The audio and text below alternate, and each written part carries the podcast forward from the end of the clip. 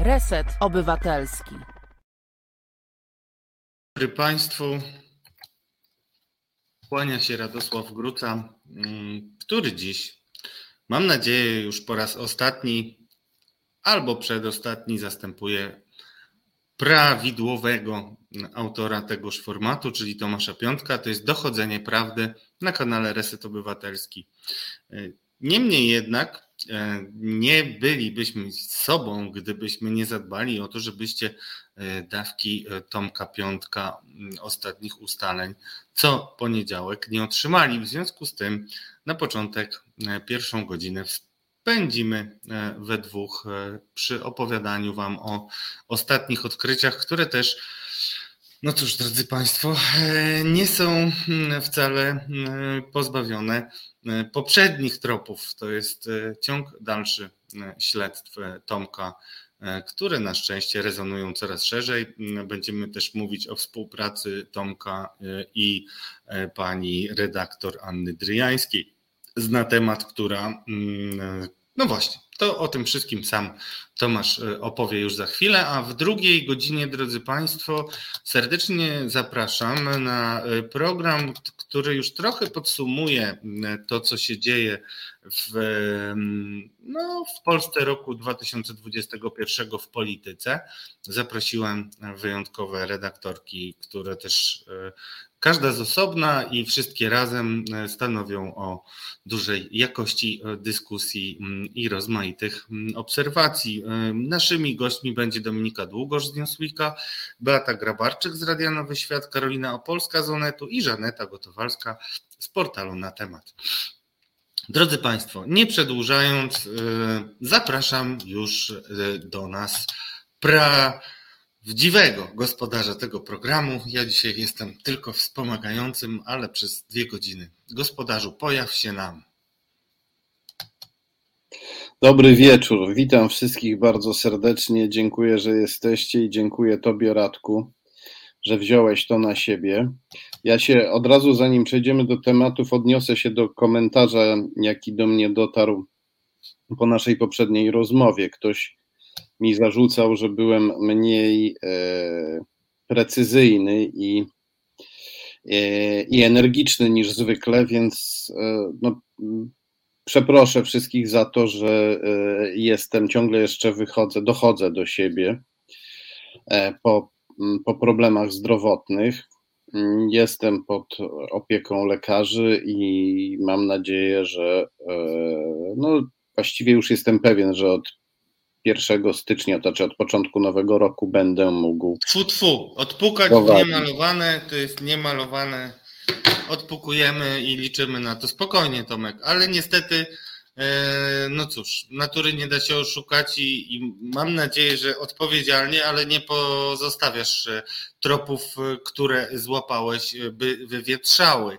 Więc zacznijmy, mhm, zacznijmy może ja trochę Ci pomogę uporządkować. No zacznijmy od osoby, która niby jest y, w centrum uwagi y, co najmniej od y, końca ubiegłego roku, a tak naprawdę ciągle mm, dość niewiele o niej wiemy, mimo że czytamy maile ze skrzynki tej osoby, a tą osobą jest e, wciąż jeszcze, mimo wszystko, minister szef kancelarii premiera Mateusza Morawieckiego, Michał Dworczyk, były wiceszef MONU, zastępca Antoniego Macierewicza, piroman swego czasu.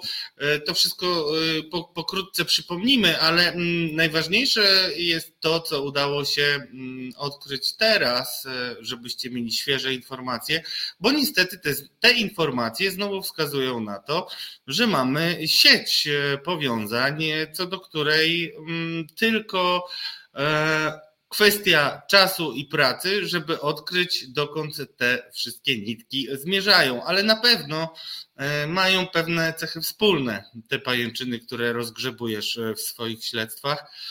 Ale zacznijmy od szczegółu do ogółu, czyli szczegół, co udało Ci się ostatnio mm, uchwycić, jeśli chodzi o zbieżność e, ministra Dworczyka posiadłości czy też nieruchomości z ludźmi, którzy chcą bardzo popsuć Unię Europejską. I nie tylko. Poproszę naszą dzielną realizatorkę Asiator na początek, żeby pokazała nam pierwszy skan tak żebyśmy sobie zwizualizowali, kogo oglądamy, tak, chodzi o tego pana, tu się niektórzy nim zachwycali, że jest taki ogarnięty, taki skuteczny, taki przystojny, inni się e, zachwycali, e, że krytykował w prywatnym mailu do premiera Morawieckiego, krytykował ministra Macierewicza za niszczenie polskiej armii, tak się składa, że Dworczyk to wieloletni protegowany Macierewicza. I tak się składa, że e, nieruchomościami ministra Dworczyka już się tak pobieżnie niektóre media zajmowały, właśnie między innymi z tego względu, no, media pochyliły się nad tym, że e, Dworczyk e, z kolegami założył takie mini osiedle na przedmieściach Warszawy pod lasem. E, e, I wśród tych kolegów, e, koleżanek była córka Antoniego Macierewicza, Aleksandra. To wzbudziło pewną sensację. Ci, co pogrzebali dalej, to doszli do wniosku, że to są, że to jest grupa związana z Opus Dei. No i na tym się jakby skończyło. Ja poszedłem trochę, trochę głębiej. Poproszę teraz o skan numer dwa. To jest e, skan z Księgi Wieczystej. On w tej chwili jest tutaj mały, tak jak na niego patrzymy, no ale później, kiedy ta e, transmisja stanie się filmem dostępnym w internecie, można sobie tutaj zatrzymać klatkę, powiększyć obraz. I tutaj widzimy e, taką sytuację, że matka Dworczyka, pani Alina, uzyskała dom od, od niejakiego Filipa Łajszczaka, a potem, e, zaraz po tym, jak ten dom uzyskała, to e, w drodze darowizny część udziałów przekazała synowi Michałowi Dworczykowi. E, więc za pośrednictwem mamy Dworczyk uzyskał dom od Filipa Łajszczaka. Ten dom stoi na działce znajdującej się w tym jakby to powiedzieć, mini osiedlu. Wcześniej współwłaścicielami tego byli między innymi też i, i Dworczyk, i Łajszczak. E, natomiast e, jak widać z panem Łajszczakiem tutaj e, pan Dworczyk jest dość blisko również w stosunku do innych kolegów z tego mini osiedla, ponieważ mieszka w domu, który wcześniej należał do pana Łajszczaka. E, w Księdze Wieczystej czytamy, że matka Dworczyka uzyskała od Łajszczaka ten dom drogą zamiany. Czyli znowu mamy tutaj coś, co pisowcy najwyraźniej lubią, czyli takie żonglowanie nieruchomością. No dobrze, i kim jest pan Łajszczak, który e, dał dom, e, zamienił się domami z matką Dworczyka, żeby ona mogła synowi ten dom przekazać? Poproszę o skan numer 3. E, na którym zobaczymy pana Łajszczaka obok Marka Jurka, słynnego polityka antyaborcyjnego, antykobiecego. E, Łajszczak był jego doradcą, ale to, co jest najistotniejsze tutaj na tym skanie, to jest fragment artykułu, w którym czytamy, że e, Łajszczak został reprezentantem prawicy Rzeczpospolitej w ruchu European Christian Political Movement czyli e, Europejski Chrześcijański Ruch Polityczny. Co to za ruch? No, jest to ultraprawicowa międzynarodówka, która e, finansuje, i tu poproszę o następny skan, e, finansuje fundamentalistyczną sieć Agenda Europe. To jest sieć organizacji ultraprawicowych, antykobiecych, fanatycznych, fundamentalistycznych, jeśli chodzi o religię i polityczne poglądy. E, jak tutaj widzimy na tym skanie, związana z Agenda Europe jest również słynna polska antykobieca organizacja Ordo Juris, e, która jest, jak wiemy, wspierana przez Kreml. No i tak się składa, że również sama e, Agenda Europe jest wspierana. Tu poproszę o kolejny skan.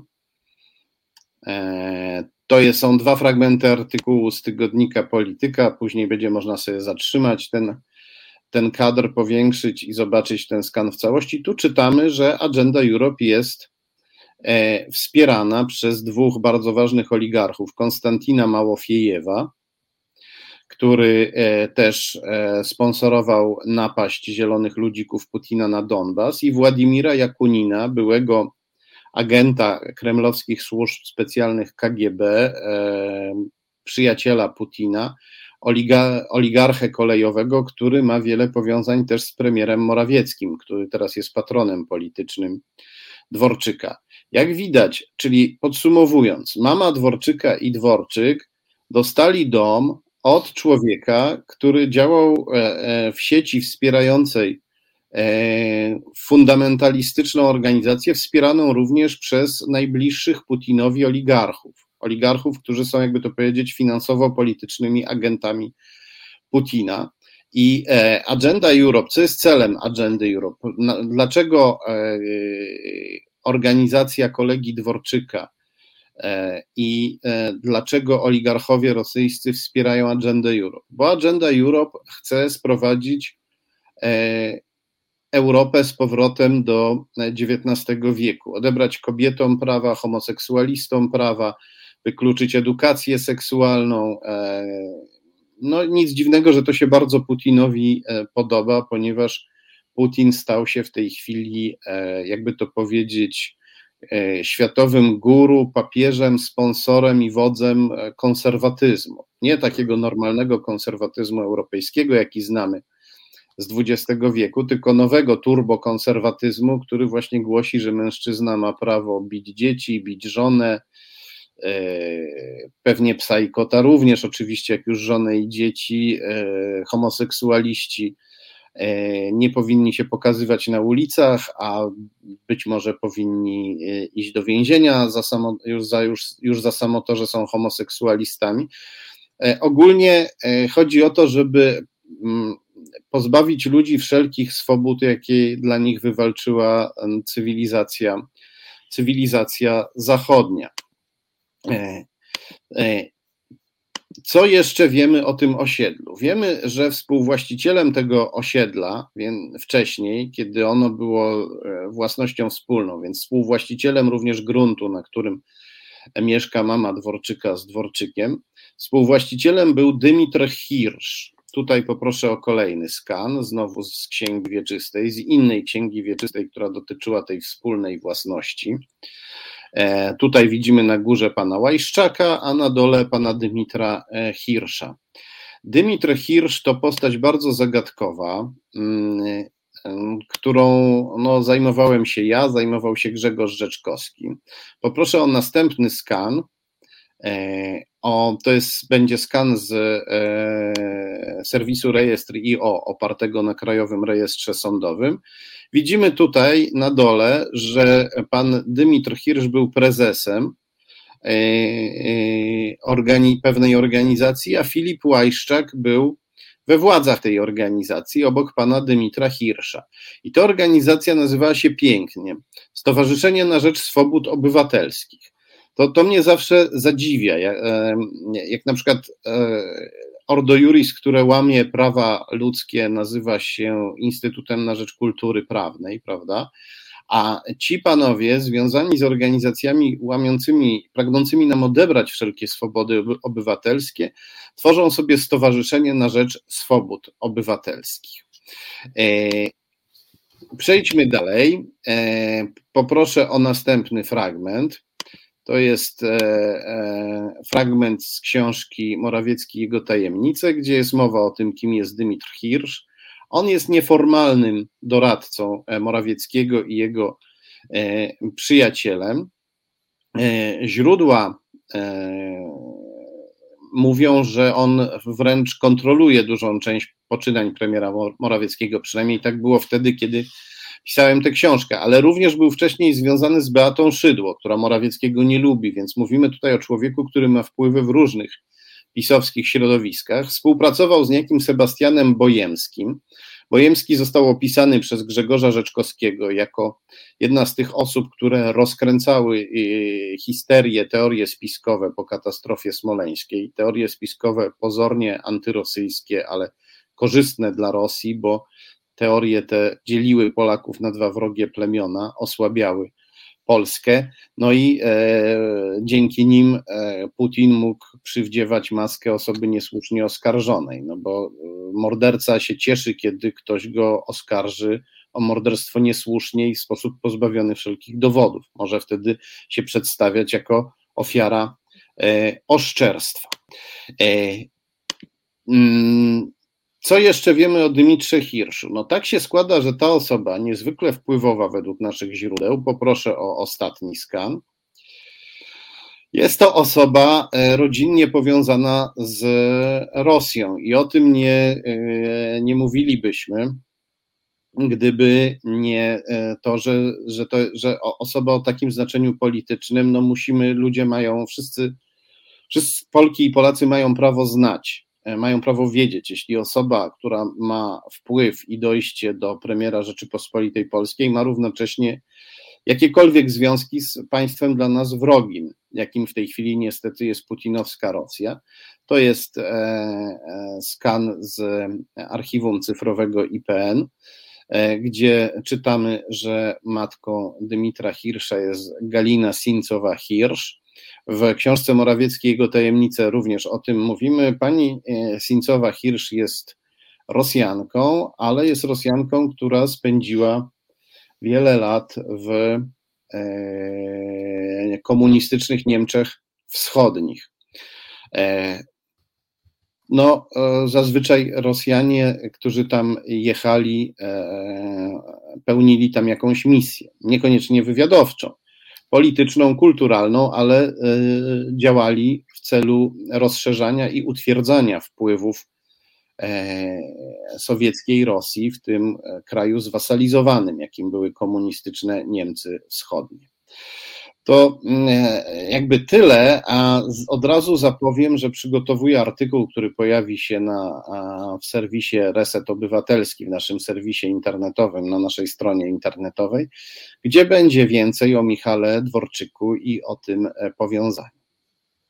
To jeszcze tylko powiedz, e, bo Filip Łajszczak e, jest też no, swego czasu na pewno był wicenaczelnym takiego pisma Christianitas E, tak. które też e, to analizowałeś. Rozumiem, że nie tylko agenda Europa, ale e, generalnie współpraca z takimi środowiskami, które później gdzieś wpisywały się z kolei w agendę Ordo Juris i agendę tego najtwardszego PiSu, tak? Tak, tak. Najtwardszy PiS oscyluje między Opus Dei a Ordo Juris. Opus Dei jest ultrakatolickie, Ordo Juris jest ultra, ultra, ale równocześnie pseudokatolickie, bo jak wiemy, Ordo Juris wywodzi się z e, brazylijskiej sekty Tradição Familia Propriedade, która została potępiona przez e, katolickich biskupów Brazylii już w latach 80.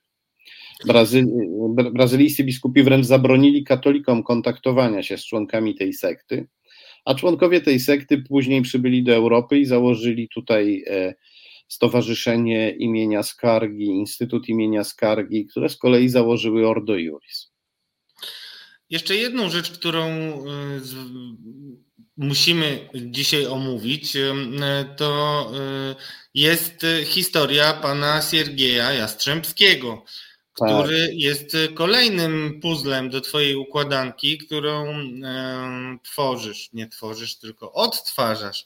Układanki rosyjskich e, sieci wokół e, architektów PiSu, między innymi też Lecha Kaczyńskiego mamy tutaj, a mianowicie swego czasu Tomku opisałeś historię spotkań Wasina, szpiega KGB z, który z Jarosławem Kaczyńskim w familiarnej, sympatycznej atmosferze, przy alkoholu, o czym sam Jarosław Kaczyński zresztą mówił, omawiał sobie na początku lat 90. rozmaite kwestie i powiem szczerze, to jest jeden z ciekawszych i bardziej tajemniczych artykułów, jaki czytałem w tym roku, polecam, Newsweek, czerwona okładka, Tomka Piątka artykuł, ale okazuje się, że to nie wszystko e, że przyjaciel Wasina, czyli Siergiej Jastrzębski, również pojawił się i to w istotnym bardzo um, momencie i to pojawił się u nie byle kogo, tylko u prezydenta Rzeczypospolitej Polskiej Lecha Kaczyńskiego, czyli brata Jarosława.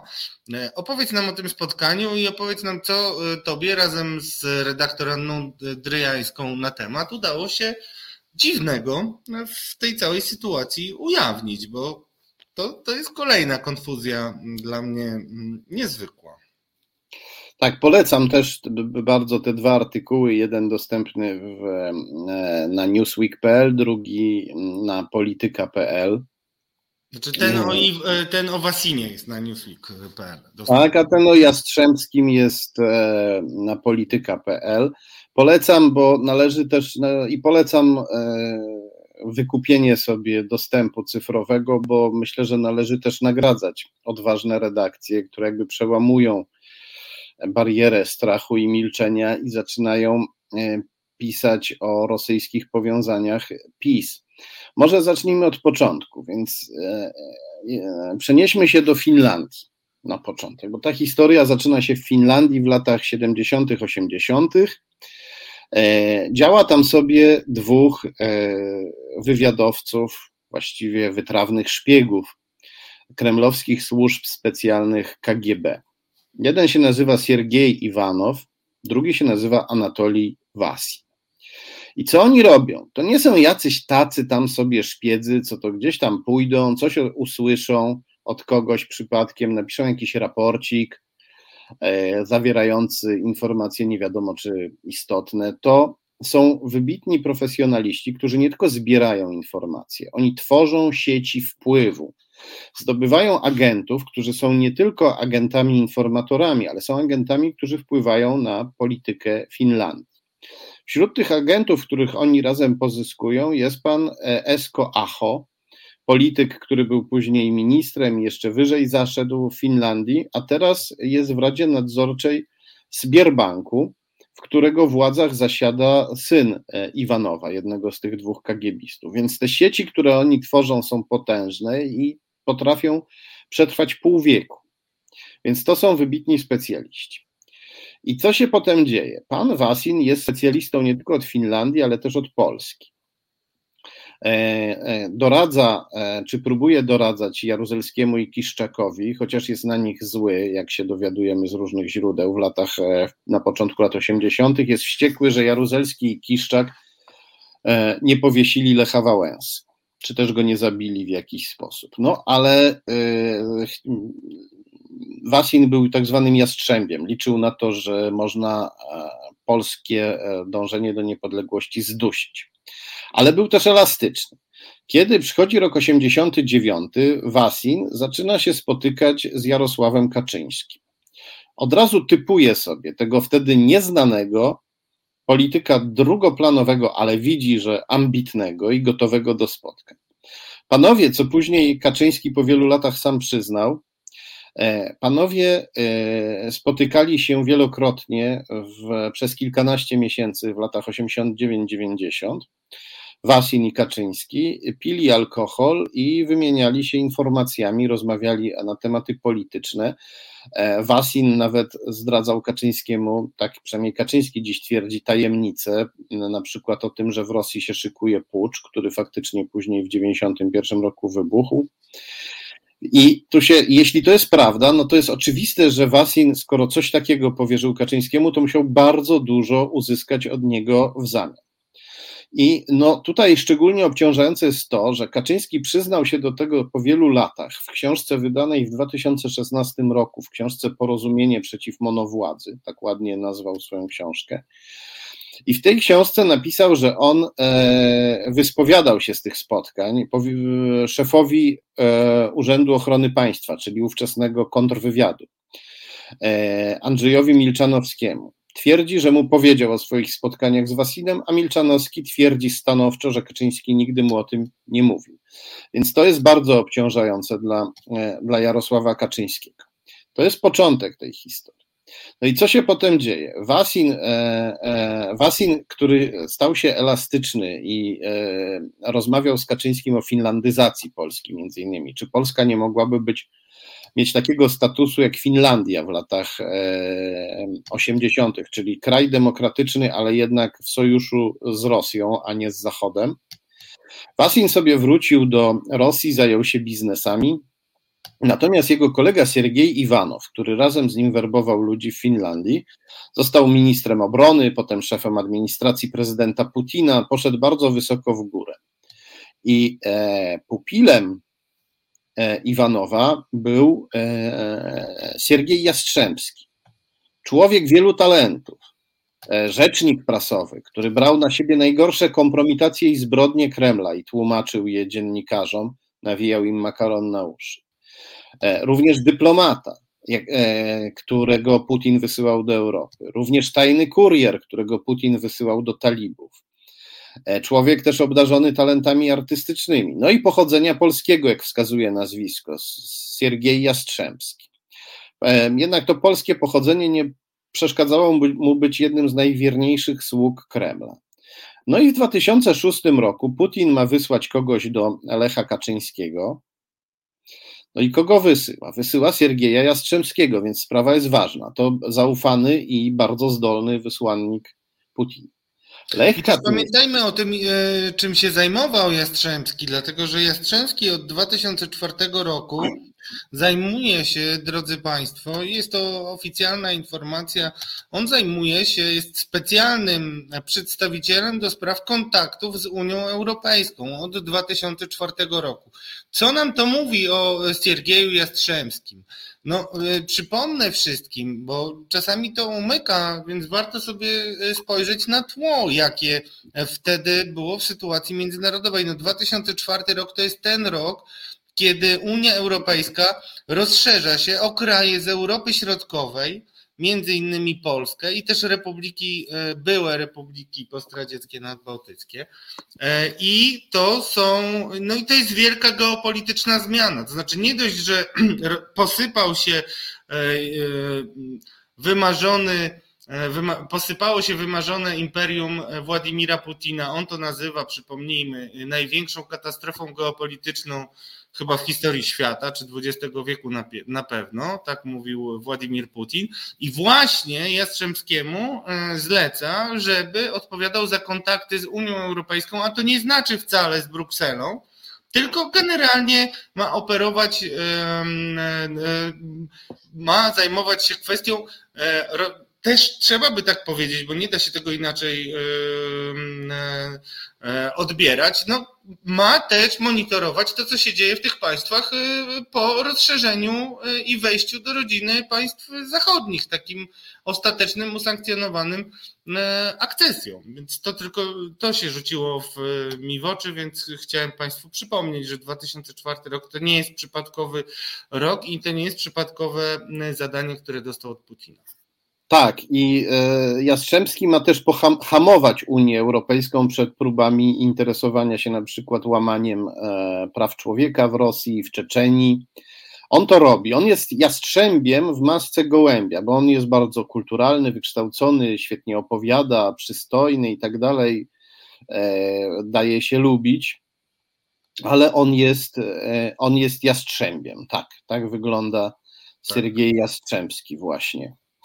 I e, pytanie, czy być może dlatego też go Putin wysyła do Polski, nie tylko ze względu na te wszystkie talenty, ale też ze względu na to, że e, Jastrzębski należy do tego samego kręgu, co Iwanow i jego kolega Wasin, który e, pił alkohol z Kaczyńskim i wymieniał się z nim informacjami. Bo trzeba pamiętać, Jastrzębski jedzie do brata Lecha Kaczyńskiego, do brata, który niemal we wszystkim Jarosława Kaczyńskiego słucha. I, e, I to się dzieje. Jastrzębski przyjeżdża do Polski. Lech Kaczyński zgadza się spotkać z wysłannikiem Putina zamiast samym Putinem. E, no, to jest dość niesłychane w dyplomacji, bo zazwyczaj e, prezydent się spotyka z prezydentami od biedy z premierami lub ambasadorami, e, ale mm, no to takie, mm, taki wysłannik, który nie jest nawet ambasadorem, no to to jest takie, no Lech Kaczyński tutaj robi duże ustępstwo wobec, e, wobec, wobec Rosji. To też jest bardzo ważne. To było bardzo ważne spotkanie. oni ze sobą rozmawiali. Potem Jastrzębski udzielił wywiadu nawet gazecie wyborczej i mówił o tym, mówił w ogólnikach o tym spotkaniu z Lechem Kaczyńskim, ale mówił pozytywnie. E, po czym sobie wrócił do, e, do Rosji. Mm, niedługo potem e, Putin postanowił zrobić Miedwiediewa swoim prezydentem. Putin został, taka roszada, Putin został premierem, a jego, jego, jego podwładny Miedwiediew został marionetkowym prezydentem.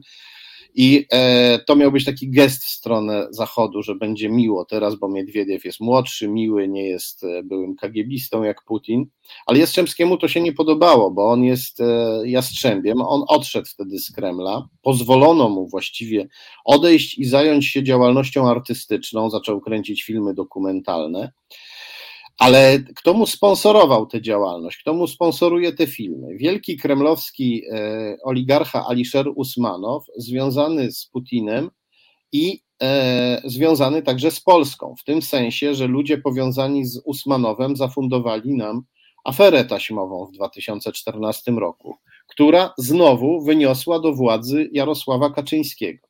Mamy tu do czynienia, więc widzimy taki wąski krąg osób, które e, wpływają na losy Polski. Wasin, Iwanow, Jastrzębski, oligarcha Usmanow i do tego obaj bracia Kaczyńscy. To jest, e, e, widzimy tutaj taki krąg powiązań. Czy tak wygląda krąg ludzi, którzy zadecydowali o najnowszej historii Polski? I zaczyn, zaczynamy czuć, że za tym wszystkim kryje się jakaś duża tajemnica, kiedy dzieje się to, co się wydarzyło e, ostatnio i o czym e, napisaliśmy z Anną Driańską w polityce. Ponieważ Anna Driańska bardzo no, w, w, sposób wręcz, jakby to powiedzieć, brak mi słów, żeby powiedzieć, jak ona to dobrze zrobiła, wcieliła się w taką dziennikarkę bulwarową, która skontaktowała się z Siergiejem Jastrzębskim i e, zaczęła go pytać o to, jak to się stało, że taki ważny człowiek na Kremlu został artystą, kręci filmy i przy okazji go wypy zaczęła wypytywać o spotkania z Polakami. I Siergiej Jastrzębski skłamał, że nigdy nie spotkał się z Lechem Kaczyńskim, mimo że udzielał wywiadów kiedyś na temat tego spotkania wiele, wiele lat temu. Mimo, że e, autoryzował wywiad z Anną Driańską, mimo, że miał wiele okazji, żeby e, sprostować pomyłkę, gdyby to była pomyłka, tego nie zrobił. Skłamał w żywe oczy, próbował przekierować uwagę Driańskiej w rozmowie na Aleksandra Kwaśniewskiego, zapewne wiedząc, że to łatwy cel, no bo łatwo e, zasugerować, że postkomunista się spotykał z Rosjanami i że Rosjanami, Rosjanom łatwiej było rozmawiać z Kwaśniewskim. Taki wydźwięk miały sugestie Jastrzębskiego. Ale e, prawda jest taka, że, że, że, że Jastrzębski skłamał, być może tylko po to, żeby, żeby stworzyć wrażenie, że Rosja nie wspiera PiS. No, ale to jest kłamstwo w żywe oczy. No być może po prostu Anna Driańska świetnie się wcieliła w dziennikarkę, y, która podchodzi do y, kwestii zasadniczych dość pobieżnie i on po prostu założył, że taka osoba nie, e, nie sprawdzi.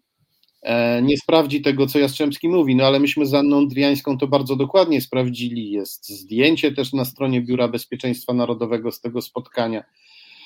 E, więc myślę, to jest moja opinia, że jeżeli Jastrzębski aż kłamie w żywe oczy, uznał, że trzeba zaryzykować i skłamać w żywe oczy i zatrzeć na ile można ślady swego spotkania z Kaczyńskim, to znaczy, że to było, e, że to było spotkanie ważne, tam się coś wydarzyło. Ja pisałem do Jarosława Kaczyńskiego, pytając, czy on również się spotkał z Jastrzębskim i czy to on zasugerował bratu, żeby się spotkał z Jastrzębskim. E, odpowiedzi do tej pory nie ma. No kto wie, może zainspirowałeś piątkowe wydarzenia swoimi pytaniami. Ale oczywiście to odnoszę się do Lex TVN, które nagle niczym jeans z butelki się pojawiło. E, Tomku... no, tak żartem, ale dodam jeszcze, że rosyjskie media z niezwykłą drobiazgowością i skrupulatnością donoszą o różnych rzeczach, które się dzieją w Polsce i które są publikowane w Polsce. I w rosyjskich mediach czasem byłego jakiegoś dygnitarza się czasem lekko uszczypnie, na przykład e, o, tam ten coś głupiego powiedział, prawda? Takie się puszcza oko do swoich e, czytelników. Natomiast o tym wywiadzie Jastrzębskiego o jego kłamstwie i o naszej publikacji, mojej i Driańskiej, w rosyjskich mediach nie ma ani słowa, ani słowa, ani piśnięcia. No cóż, może dobrze zlokalizowałeś miękkie podbrzusze. Ja mam taką propozycję, żebyśmy e, dali chwilę odpocząć e, Tomkowi przede wszystkim i spotkali się za chwilę po piosence krótkiej po której opowiemy sobie o mało znanym mm, animatorze ruchów tak zwanych e, pro-life, który ostatnio robi coraz większą karierę na pisowskich warszawskich salonach. Już za chwilę. Reset Obywatelski. Medium, które tworzysz razem z nami. Komentuj, pisz i wspieraj. Dobry wieczór Państwu. Wracamy. E, skromny Radosław Gruca i jeszcze skromniejszy Tomasz Piątek, a to jest dochodzenie prawdy w resecie obywatelskim. Skończyliśmy o tajemniczym animatorze ruchów e, pro-life i to jest ta część, którą Tomek Wam przedstawi, a ja e, zrobię wprowadzenie do tej osoby. Może nie, może nic nie mów, może nic nie mów, nie, nie mówmy kto to jest. Dobrze, okej, okay. to po prostu nie, nie, nie. opowiedz, że jest taki człowiek. Nie, nie, znaczy na końcu powiemy. Na końcu powiemy o kogo chodzi, ale zacznijmy tak. E, proszę Państwa, jest sobie Kaja Godek. Ja od roku intensywnie e, zajmuję się Kają Godek i próbuję się dowiedzieć, skąd się ona wzięła. I mam coraz więcej informacji na ten temat. Pierwsze filmy, które możecie znaleźć na YouTube, to tam widać dużo różnych niepokojących, ale bardzo pośrednich powiązań. Teraz zaczynam się wgryzać już e, głębiej. Jakby opowieść o Kai Godek należy zacząć od e, pewnej fundacji, w której Kai Godek już nie ma, ale ona tam zaczynała jako tako, taka raczkująca działaczka pro-life, zdobywała ostrogi, potem weszła do władz tej fundacji. To jest fundacja pana Mariusza Dzierżawskiego. Tego samego człowieka, który niedawno wszedł na mównicę w Sejmie i domagał się dożywocia za aborcję próbował e, rozpętać wojnę religijną w Polsce, otwartą wojnę, no bo wojnę cichą, wojnę religijną czy zimną wojnę religijną już mamy. U tego człowieka jakby wychowywała się Kaja Godek jako e, działaczka polityczna i społeczna.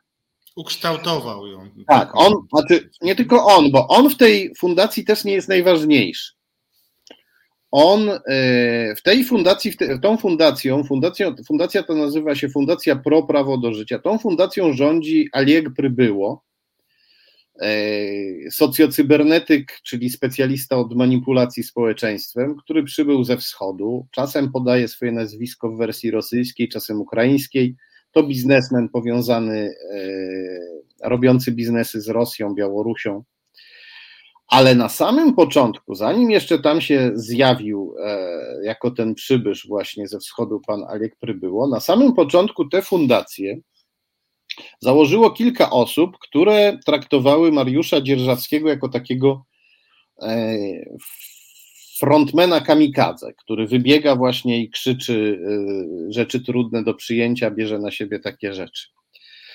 I kim były te osoby? E, założycielami fundacji byli Jacek Sapa, e, Łukasz e, Wrubel, Anna Werbowa.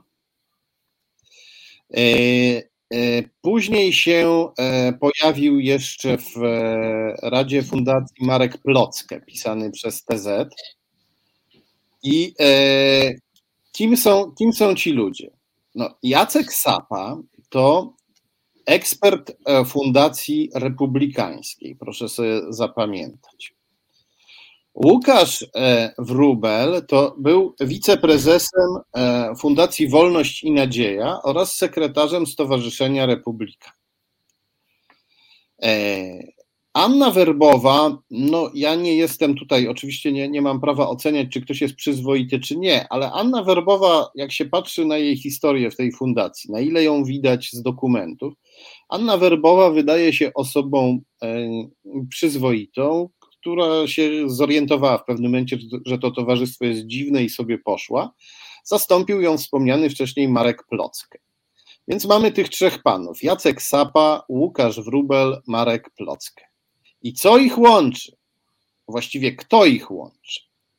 Jacek Sapa, jak już wspomniałem, to ekspert Fundacji Republikańskiej założonej przez ultraprawicowego działacza Przemysława Wiplera, niegdyś głośnego.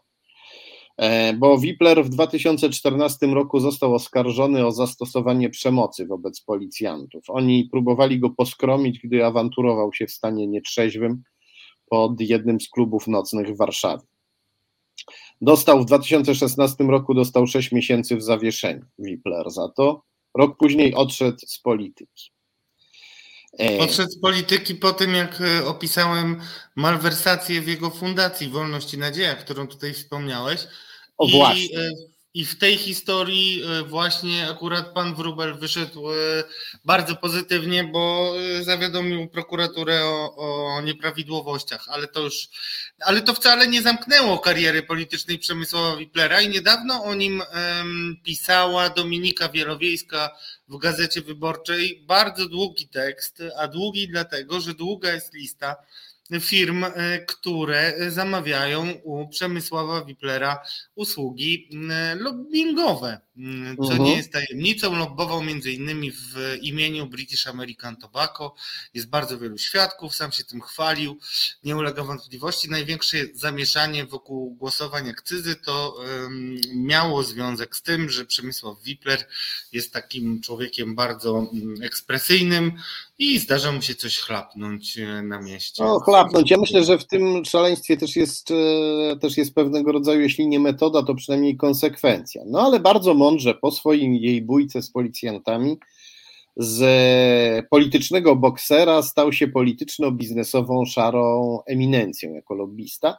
Właśnie, przeszliśmy w ten sposób płynnie do pana Wróbla, bo drugi z założycieli fundacji, pan Wróbel, również był związany z Przemysławem Wiplerem, był jego zastępcą Fundacji Wolność i Nadzieja i stał u boku Wiplera jako sekretarz Stowarzyszenia Republikanie. To jeszcze zanim się pokłócili, prawda, zanim Wróbel złożył na niego doniesienie do prokuratury.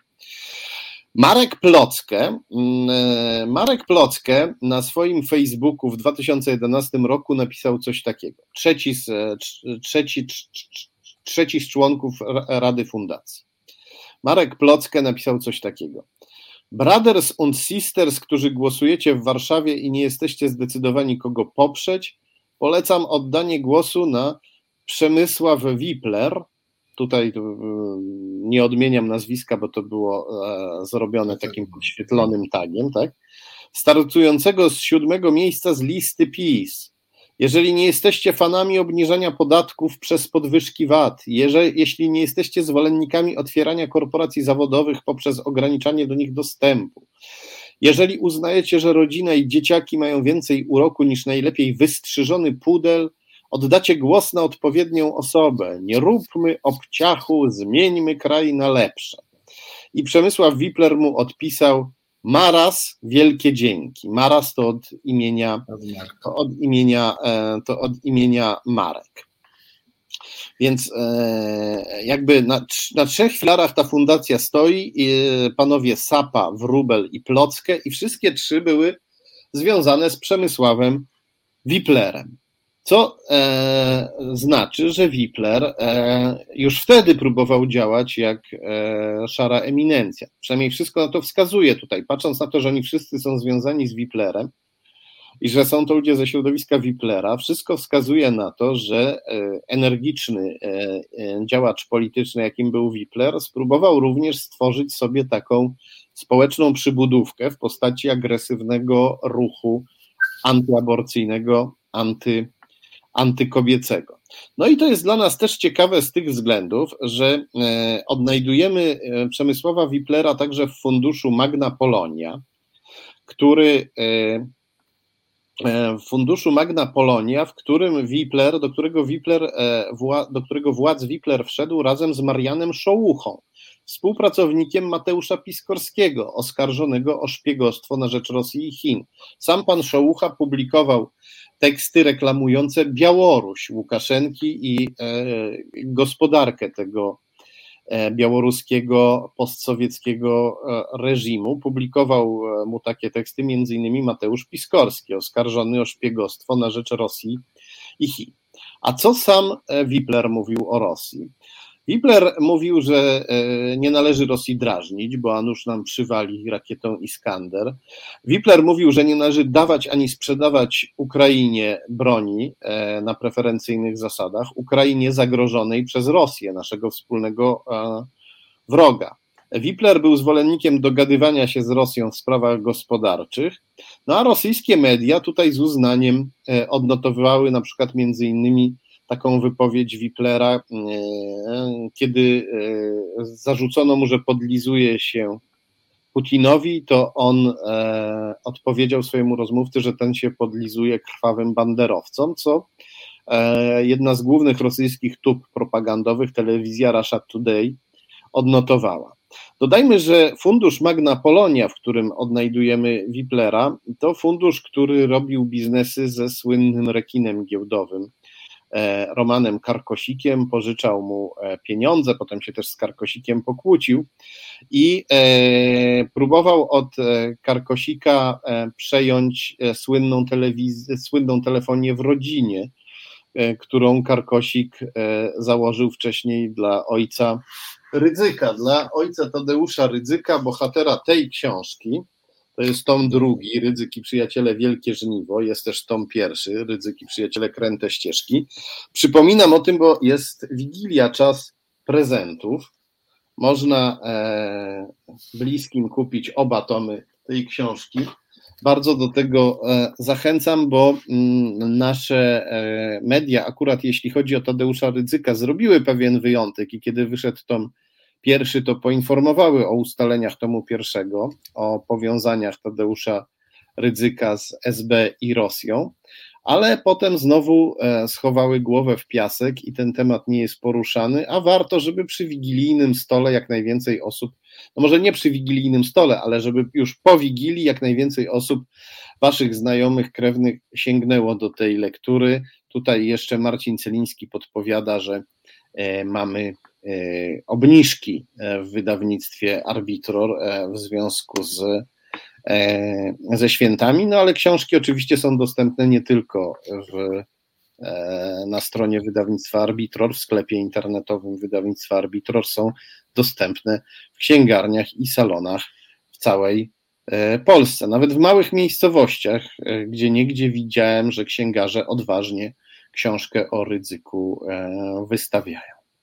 No myślę, że ten nadchodzący rok e, z różnych powodów, ale między innymi ze względu na to, że to będzie ostatni rok przedwyborczy, co by się nie działo, e, a może nawet wyborczy, ale to akurat, szczerze mówiąc, ostatnio w to wątpię.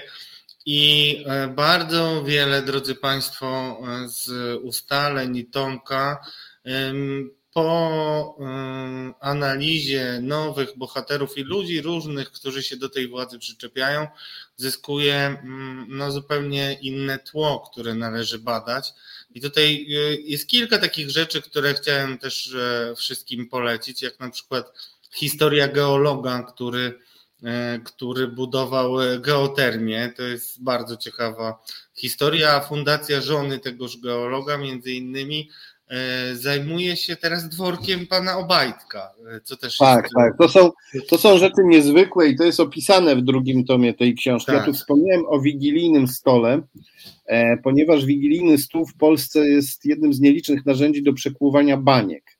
Tam możecie powiedzieć wujkowi czy cioci, którzy wciąż chcą głosować na PiS i wciąż słuchają ryzyka, tam możecie im powiedzieć, że zostało udowodnione i że to wszystko jest w Instytucie Pamięci Narodowej, e, e, że e, ryzykiem opiekowało się samo Ministerstwo Spraw Wewnętrznych komunistyczne i że Rydzyk mieszkał w Niemczech u komunistycznego milicjanta, który członka PZPR, który dziwnym trafem został nagle w Niemczech Zachodnich wielkim przedsiębiorcą. I możecie powiedzieć, o czym tutaj już wielokrotnie mówiliśmy, że Rydzyk założył Radio Maryja za pieniądze prawosławnej. Pani Rudan. Tak, Rydan. Prawosław... A tak, pani Ryden, tak. Ryden nawet, Ryden chyba tak. tak. Prawosławnej wizjonerki. Mistyczki. Która, mistyczki, tak, która wychwala Rosję w swoich proroctwach i afiszuje się z e, dygnitarzami, z, afiszuje się z hierarchami putinowskiej e, cerkwi. Myślę, że no, Wigilia to nie jest, e, nie lubimy polityki przy Wigilii, ale z drugiej strony mamy niewiele narzędzi do przekłuwania baniek, więc serdecznie pozdrawiam wszystkich kamikadze, którzy przy okazji świątecznych spotkań podejmą się takiego przekłuwania. Myślę, że żeby uniknąć jakichś właśnie zgrzytów przy stole wigilijnym, to najbezpieczniejszym sposobem jest wręczenie książki pod choinkę, położenie jej tak, pod choinkę. I, I, jest rok na to, żeby spokojnie jakoś rozmasować wszystkie ewentualne e, wybuchy, które mogą, mogą nastąpić. Ale konflikty integrują. Może tak być, drodzy Państwo, dlatego mm, pospierajmy się kulturalnie. Dziękuję bardzo Tomku za dzisiejszą e, wizytę.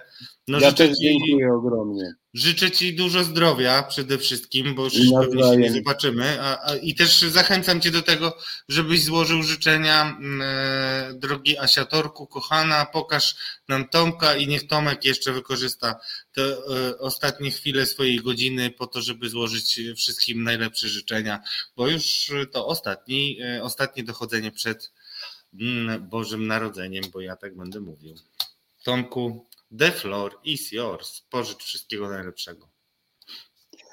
Wszystkiego najlepszego, kochani, wesołych świąt, e, zdrowych, co jest bardzo ważne w obecnej pandemicznej sytuacji. E, w miarę możliwości e, pogodnych i spokojnych. Nacieszmy, e, nacieszmy się sobą, otwórzmy swoje serca również dla tych, z którymi się nie zgadzamy, aczkolwiek nie, pozwal, nie pozwólmy, żeby ta atmosfera świąteczna nas rozmiękczyła i wytworzyła w nas jakieś przyzwolenie na, na zło, bo tego być nie może. Wszystkim i wierzącym, i niewierzącym z całego serca życzę wszystkiego dobrego mm, i opieki Bożej też chętnie życzę, aczkolwiek wiem, że e, u nas język religijny jest w Polsce nadużywany i bardzo wielu z Was zapewne się zrzyma, kiedy to słyszy. No ja jestem człowiekiem wierzącym, życzę Wam opieki, Bożej, bo to najlepsze w moim pojęciu i według mojego doświadczenia, czego mogę życzyć, ale przede wszystkim życzę Wam też wszystkiego dobrego, tego, czego wy chcecie, co, co wy uważacie za dobre. No i życzę nam wszystkim, żeby e, sytuacja w naszym kraju i na świecie zaczęła się poprawiać. Mówię w naszym kraju i na świecie, bo one są ze sobą połączone, wbrew iluzji, w jakiej żyje wielu Polaków, myślących, że Polska jest e, odrębnym bytem, niezależnym od zagranicy. Abyśmy czuli się dobrze, i abyśmy myśleli jasno. Tego Wam wszystkim e, życzę, ściskam Was bardzo i dziękuję, że jesteście. Dziękujemy Ci, Tomku. A Wam wszystkim też polecam książki. Nie tylko Tomka, ale w ogóle książki. Naprawdę to pomaga. Drodzy Państwo, naszym gościem był Tomasz Piątek, dziennikarz śledczy Reset Obywatelski, autor książek o mm, ojcu przepraszam, o dyrektorze Rydzyku i między innymi o Macierewiczu, który wiele tajemnic już nam e, o, ujawnił. Tomku, dziękuję Ci bardzo. Dziękuję bardzo. A my, drodzy Państwo, bez zbędnej zwłoki, ja tylko tak zagadam, żeby była mała rozbiegówka, znane, lubiane, mądre, już nie będę mówił, że wszystkie mi się bardzo podobają na wiele yy, sposobów. I to, że każda jest inna, i to, że każda jest innego medium, i to, że umieją się pokłócić, a potem yy, nie wyrywają sobie włosów z głów. Ewentualnie ja sobie wyrywam po tych wizytach, bo czuję, że ja jestem nie bardzo potrzebny, żeby panie prowadziły rozmowy, ale postaram się coś tam od siebie do tych komentarzy dodać, a zawsze, mm, cóż, nadzieję daje to, że przedstawiam Panie i zadaję pierwsze pytanie. Potem Liczę też, drogi, drodzy y, forumowicze, że pomożecie mm, y, i razem z Asiatorkiem będziemy się wtrącać tutaj na ekran, bo wiem, że i Karolina, i Żaneta na przykład nie potrafią się oprzeć i czytają y, różne pytania, które pojawiają się na ekranie. Więc skoro już zdradziłem, no to mm, witam na pokładzie panie E, jak się zaczną pojawiać, to będę je przedstawiał. Poproszę o wpuszczenie. Dominika Długosz, Newsweek. Dobry wieczór. Dzień dobry. Beata Grabarczyk, Radio Nowy Świat. Dobry wieczór. Dzień dobry, dobry wieczór. Świątecznie. Żaneta Gotowalska na temat.pl. Dobry wieczór. Dobry wieczór. I Karolina Polska, Onet, tak, kobieta błękitna czasami, a czasami też. Nie, nie, właśnie ja mam teraz nowe światło. Już nie jestem niebieskim kosmitą, kosmitką. Wiem, wiem, wiem, no ale dlatego, że mogę cię nie poznać, sobie cieplejsze. Tak. Dlaczego niebieski to od razu kosmita? Przepraszam. Hello. Kosmici są zieloni.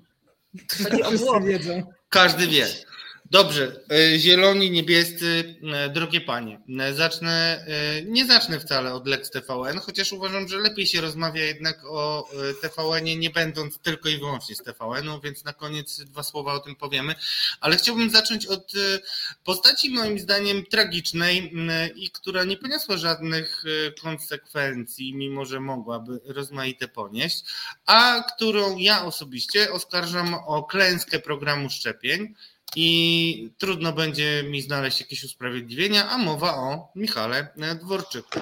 E, chciałbym, e, żebyśmy e, się zastanowili, czy jest jakaś postać, na którą powinniśmy bardziej pomstować niż na Michała Dworczyka. Nie mówię dlatego, żeby jego wyjątkowo wyróżnić, ale to on rwał się jeszcze na początku roku do tego, żeby ogłaszać e, program szczepień, potem wielkie tempo, potem tego programu, czyli realizacji szczepień.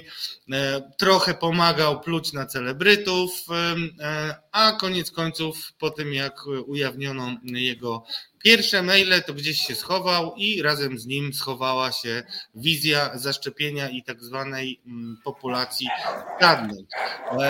Dlaczego mówię o Michale Dworczyku? Uważam, że e, chciałbym Was poprosić, żebyście znalazły e, takie postaci, które najgorzej mm, zapisały się w ubiegłym roku, kończącym, znaczy nie ubiegłym, no kończącym się właśnie roku. I ja, moją kandydaturą jest tutaj e, Michał Dworczyk. I nie, oczywiście możemy obwinić Jarosława Kaczyńskiego o wszystko, ale jednak dbajmy o to, żeby ludzie, którzy za coś odpowiadają, odpowiadali za coś faktycznie, bo skoro się na to zapisali, to powinni takie rozliczenie przejść. Dominiko, zacznę od Ciebie, bo wiem, że w Twoich publikacjach pojawiają się różne Słyszycie? Co mnie, co się śmiejecie? E, często w Twoich publikacjach pojawiały się, e, moim zdaniem, bardzo ważne obserwacje dotyczące tego, że e, przyszły rok może stanąć pod znakiem wojny antyszczepów ze szczepami. Bardzo umownie to nazywam. Ja tylko chciałam postulować, żebyśmy ich nazywali proepidemikami, bo to lepiej brzmi.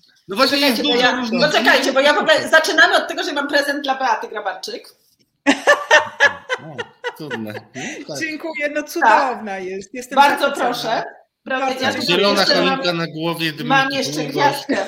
Gwiazdeczka. Tak jest. Nie powiedzieliśmy, że to jest przedświąteczny program podsumowujący, więc trochę trzeba wyjaśnić tą całą A poza tym my z Dominiką rozmawiałyśmy od rana w radiu, tak. I y, pierwszy temat, który nam się napatoczył, to były sweterki świąteczne. To takie najbrzydsze. Ja nie mam sweterka, mam, mam choinkę. Dobra, e, wracając do odpowiedzialności politycznej. E, Radek, nikt w tym kraju nie bierze odpowiedzialności politycznej, absolutnie za nic. I Michał Dworczyk tak jest. nie jest e, wyjątkiem potwierdzającym regułę, tylko jest absolutnie regułą. Zresztą ja w ogóle uważam, że Michał Dworczyk w tych mailach, i to Beata się za mnie zaraz rzuci mi się do gardła, ale ja uważam, że Michał Dworczyk całkiem nieźle wypada w tych mailach. On nawet wypada czasami jak głos rozsądku, on nawet wypada jak ten, który logicznie myśli o niektórych y, y, sytuacjach, no choćby ten jego mail o wojsku, no to, to przecież no to sama prawda jest. To znaczy, to wszyscy to wiemy. Mnie ucieszyło, że ktoś w rządzie też to wie. No, gorzej, że nie ma siły przebicia, żeby coś z tym zrobić, ale wie przynajmniej. I e, to, że Michał Dworczyk nie ponosi żadnej odpowiedzialności za program szczepień, mnie nie dziwi. Znaczy, tak jak mnie nie dziwi zupełnie ostatni tweet ministra Błaszczaka, który się dopytywał, kto ponosi odpowiedzialność za pana żołnierza, który się udał na, na stronę białoruską. No kto ponosi odpowiedzialność? No na pewno nie minister obrony przecież. No, no nie, nie, wiem kto, może Glapiński, bo on też się obroną zajmuje. No, on lubi wszystkim się zajmować, więc... Więc serio, no oczywiście, że powinien Dworczyk ponieść odpowiedzialność. On powinien ponieść odpowiedzialność w momencie, kiedy pierwsze maile wypłynęły. Nie za program szczepień, tylko za to, gdzie przeniesiony został system zarządzania państwem. Ale to nie Dworczyk powinien ponieść odpowiedzialność, tylko Morawiecki powinien ponieść odpowiedzialność, bo to on przeniósł ten system zarządzania na Gmaila i WP, a nie, a nie Dworczyk. Więc tak, w ogóle od początku do końca wszyscy powinni polecieć. Nie tylko za pandemię. Właśnie. Dobrze, to, to ja Beata, się rzucaj się do gardła. Co? Nie, nie, nie mam powodu, żeby się rzucać, bo ja się zgadzam z Dominiką, że za program szczepień to akurat Dworczyk średnio w sumie odpowiada, bo on został wysunięty z ramienia na czoło, czy to jak to tam się mówiło. Natomiast no problem polega Członek na wysunięty że... z ramienia na czoło. No, prawie dobrze powiedziałam. E, e, tylko problem polega na tym, że on nie miał swobody działania, tak jak nikt nie ma w tym rządzie rządzie swobody działania, tak jak nie ma tej swobody działania premier. I dla mnie akurat postacią tragiczną nie jest Dworczyk, a bardziej jest minister e, zdrowia no, który jak się z nim rozmawia, no to robi wrażenie faceta, który kuma o co chodzi w przypadku, w przypadku tej pandemii, wie, że powinno się e, wprowadzić obostrzenia, no ale jak e, już rozumiem, że chciał wejść e, i zaskoczyć wszystkich decyzją, że będziemy szczepili od 1 marca medyków mundurowych i nauczycieli, no to wtedy wyjechał mu minister Czarnek i powiedział, nie, nie, nie, to mnie się to nie podoba. Y, jeżeli idzie o, to, o nauczycieli, jeżeli idzie o mundurowych, y, no to nie wiedzieć, czemu minister y, sprawiedliwości zareagował, że też niekoniecznie. No i zostało mu to zdrowie. No to widocznie sobie tylko medyków wszystkich wyszczepi. I, I dla mnie to jest tragiczna postać. Znaczy facet, który rozumie, co się dzieje i nie może zrobić nic, bo taki jest układ polityczny, a nie inny. Natomiast zgadzam się w pełni, że jakbyśmy zaczęli rozpatrywać wszystko po kolei, to absolutnie absolutnie każdy minister z tego rządu powinien e, wylecieć za coś. Z premierem na czele. Z premierem na czele, oczywiście, że tak. I myślę, że tak, e, to Dominikę później zapytamy, bo ja jestem ciekawa, czy rzeczywiście nie jest przypadkiem tak, że Morawieckiemu to już tak ostatnie, nie wiem, tygodnie, może miesiące zostały. A daj spokój. Ostatnie Możemy o tym porozmawiać, tak, możemy o tym porozmawiać. No, e, właśnie trzymając się tej naszej analogii do greckiej tragedii, to dla mnie najtragiczniejszą postacią to jest właśnie wspomniany e, premier Morawiecki, który nie dość, że musiał już tyle razy w ciągu ostatnich miesięcy połknąć swój język, e, że dziwię się, że się naprawdę nie zadławił. Ale on się tym żywi na co dzień. To jest... no, no, on to lubi.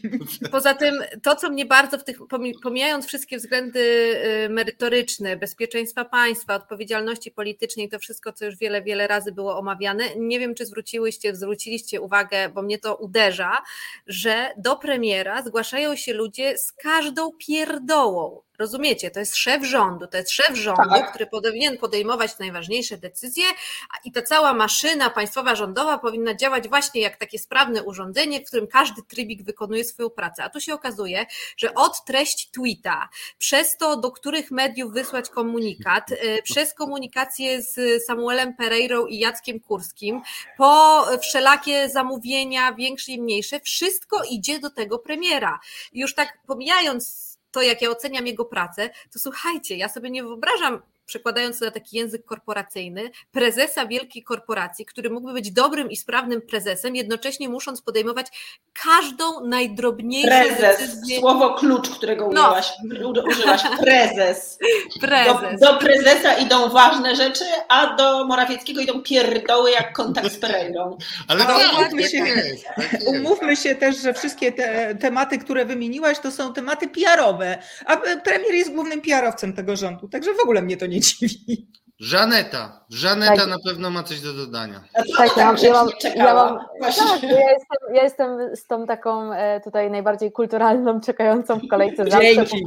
dzięki, dzięki. Nie no, bo dostaję później zarzut, że, że się wam nie wcinam, a ja nie umiem się wcinać, bo taką sobie przy, przybrałam akurat rolę w tej naszej dyskusji, że sobie czekam na sam koniec i spijam z, z waszych ust, a później sobie coś tam dodaję w dwóch zdaniach. A tak zupełnie poważnie mówiąc, to e, ja też się zgadzam z tym, że dużą odpowiedzialność ponosi Jarosław Kaczyński, ale obciążenie go tą odpowiedzialnością byłoby bardzo proste. Zgadzam się z tym, że minister zdrowia ponosi odpowiedzialność, ale to też jest dosyć prosta konkluzja, tak samo jak premier Morawiecki. Wydaje mi się, że bardzo dużą e, odpowiedzialność ponosi każdy z nas i każda osoba, która zasiada w Sejmie, bo e, popełniliśmy mnóstwo błędów od, samej, od samego początku pandemii. Od momentu, kiedy e, zamykano lasy, wszyscy drwili z tego, że zamyka się lasy. Kiedy pojawiła się to, oczywiście był zeszły rok, a nie ten, ale to są jakby konsekwencje w tym roku cały czas widoczne. Później było odwołanie pandemii przez e, premiera Morawieckiego kilkukrotne.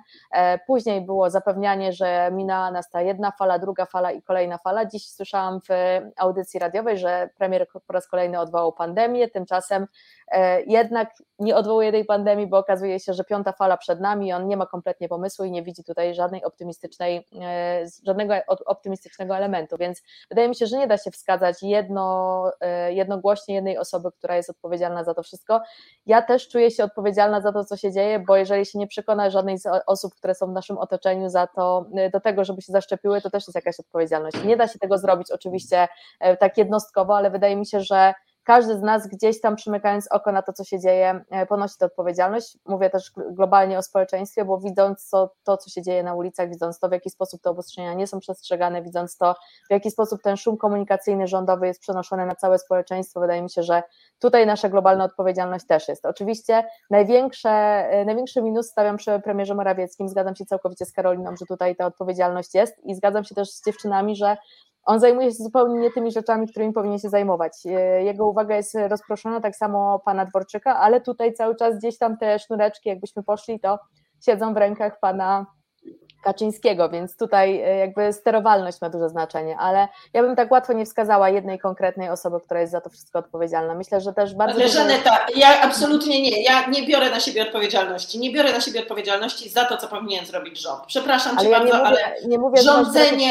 rządzenie rozporządzeniami, yy, kompletny chaos i informacyjny, i chaos w wydawanym prawie to jest coś, za co odpowiada rząd. To oni to nie poradzili. Rząd, ale społeczeństwo, społeczeństwo, jeżeli rząd sobie nie radzi, to społeczeństwo też musi dbać o państwo, w którym się znajduje, więc moim zdaniem... No dobrze, ale słuchaj, ja nawet nie mam pretensji do tych ludzi, którzy się nie zaszczepili, wiesz, dlatego, że jeżeli dzisiaj czytam, że ulotki o tym Polskim Ładzie czy tak. czymś tam wysłane do 15 milionów gospodarstw mhm. domowych kosztowały mnie 4 miliony złotych, mnie kosztowały, ciebie kosztowały, pana kosztowały, a nie można było wysłać ulotek do y, y, ludzi o, z informacją o szczepieniach, o tym, jakie Były są wysyłane naukowe... takie ulotki. Sama je dostałam dwa, dwa albo trzy razy. Naprawdę? A ja ani razu nie dostałam. Ja Słuchajcie, ale to jest, trochę, to jest trochę, od razu mi się nasuwa analogia z sytuacją na granicy. Za każdym razem, kiedy w mediach swoich społecznościowych y, oburzałam się na sposób, w jaki traktowani są tam ludzie, dostawałam masę komentarzy pod tytułem tak, jesteś taka mądra, to weź sobie uchodźcę do domu. No i właśnie ja mówię nie, bo ja wymagam tak samo ze szczepieniami, od mojego państwa, żeby to moje państwo w sposób systemowy pomagało ludziom, czy to są bezdomni, czy to są uchodźcy, czy to są inni potrzebujący. I ja również, tak jak Dominika, odmawiam brania tej odpowiedzialności e, ale na siebie. Ale to nie, to chyba, to też chodzi to chyba o nie to, o to chodzi. Tak, zupełnie, zupełnie nie rozumiecie, o co mi chodzi. To nie chodzi o to, że my jesteśmy odpowiedzialni i to my powinniśmy sobie radzić z pandemią, tylko w sytuacji, w której rząd sobie nie radzi, my też jesteśmy odpowiedzialni za to, żeby jakoś sobie z tym wszystkim poradzić. Nie mówię, no tak, ale to my pokazaliśmy przez siebie. ostatni rok, że bardzo sobie radzimy w tych naszych oddolnych inicjatywach społecznych e, i bierzemy na siebie odpowiedzialność, widząc, jak bardzo nieudolne są działania rządów i samorządów pandemii mam wrażenie, że nie. W przypadku takich Ale to tak jak powiedziała Dominika, tak. ja się nie dziwię, mamy taki chaos komunikacyjny. Y, ministrowie własnego jednego rządu się kłócą między sobą. Y, w obozie władzy zasiadają posłowie, którzy są oficjalnie antyszczepionkowi. To, że oni się szczepią y, po cichutku, to jest zupełnie inna sprawa. Natomiast mhm. oficjalnie są antyszczepionkowi, bo w ten sposób postanowili zawalczyć i, i, i wyrobić sobie imię i zawalczyć o swój, o swój przyszły elektorat. To trudno się się dziwić, że ci ludzie na dole są pogubieni. Nie ma, powinien z rządu wypływać jeden jasny komunikat. Już nie mówiąc o tym, że te nasze paszporty covidowe to w ogóle jest jakiś śmiech e, e, przez łzy, no bo nie, nie, nie, da się tego inaczej nazwać, bo czy, czy, uda, czy chociaż raz miałyście okazję e, w Polsce będąc e, musieć okazać e, paszport, tak? Naprawdę? Tak, ja nie. Tak, jak wchodziłam do naszego korpo, Karolina, a, kiedyś, no. to mnie poprosili o paszport covidowy, a mój mąż musiał pokazać ostatnio na siłowni. A ja no to, nigdzie w muzeum. A ja na no koncercie problemu też pokazywałem i specjalnie sobie ściągnąłem i w ogóle. Okej, okay, ale to zauważcie, że mówimy w takim razie o prywatnych inicjatywach, tak? Tak, dlatego mówię o tej odpowiedzialności, to też mam na myśli, że wiecie, no Oczywiście. w sytuacji, w której coś jest. E, ja ale Żaneta, ja rozumiem, co ty, ja rozumiem, co ty mówisz, natomiast ale kompletnie, absolutnie mogę się, się wyłączyć, Dominika, wiesz, absolutnie. Ja wiem, słyszę po raz kolejny, że się nie zgadzasz i po raz kolejny próbuję powiedzieć, że chodzi mi tylko o to, że jeżeli rządzący sobie nie radzą, to obowiązkiem obywatela jest sobie jakkolwiek radzić. I nie mówię o tym, że my mamy ich wyręczać z tej odpowiedzialności, tylko mamy spróbować sobie urządzić życie w tym burdelu, który oni nam organizują na co dzień. I ja uważam, że idąc na przykład na koncert, prywatny właściciel klubu jest jego odpowiedzialnością, żeby on wymagał od ludzi okazania certyfikatu covidowego. To, że rząd okay. nie jest w stanie tego wynegocjować, to jest inna tak, sprawa. tylko że jakie on ma prawo do tego, żeby ten certyfikat sprawdzić? Nie ma żadnego prawa wymagać to... ode mnie, żebym ja mu ten certyfikat pokazała, bo ja mu mogę powiedzieć... Ty chcąc wejść na koncert, y, by musisz mu ten certyfikat y, pokazać właśnie, żeby nie było, że jesteś nadmiarowym antyszczepionkowcem na Dokładnie. sali. Ale on nie ma żadnych, on nie ma żadnych narzędzi, nie ma żadnych instrumentów prawnych. tak, prawda. żebym ja ten, y, na, nawet tak leciutka ustawa, t- takie rozwiązanie, które jest po prostu jakimś naprawdę pseudo rozwiązaniem w porównaniu z tym, co się dzieje na zachodzie Europy, nawet to nie ma możliwości przejść przez y, nasz parlament. To jest niesamowite. A że nie, nasz no, parlament tu wracamy potrafi... do, do rozporządzeń, tu wracamy do tych tak, rozporządzeń. A że nasz parlament potrafi się zmobilizować i potrafi przegłosować e, no rzeczy, jeśli tylko chce, to widzieliśmy w piątek, jak w półtorej godziny od komisji po przegłosowaniu udało się załatwić Lex TVN, więc okazuje się, że się da, tylko trzeba chcieć co znowu pokazuje, Nie, ale ja, ja uważam, że cała historia pod tytułem my musimy sobie jakoś tej pandemii radzić, no to jest historia pod tytułem jesteśmy w dupie i zaczęliśmy się w niej urządzać. No tak nie. Jest. Nie, nie może tak być. Znaczy, państwo powinno nam zapewnić bezpieczeństwo. Żaneta, ja rozumiem, że tak, może właściciel, może, ale może, ale tutaj Karolina ma 100% racji. Nie może dojść do sytuacji, w której żąda ode mnie właściciel siłowni, klubu, szkoły tańca, restauracji, paszportu, ja mu tego paszportu nie okazuję, po czym on idzie do sądu, bo on, znaczy nie musiał, znaczy on nie musiał żądać, ja nie musiałam mu pokazać, bo tego nie ma w prawie.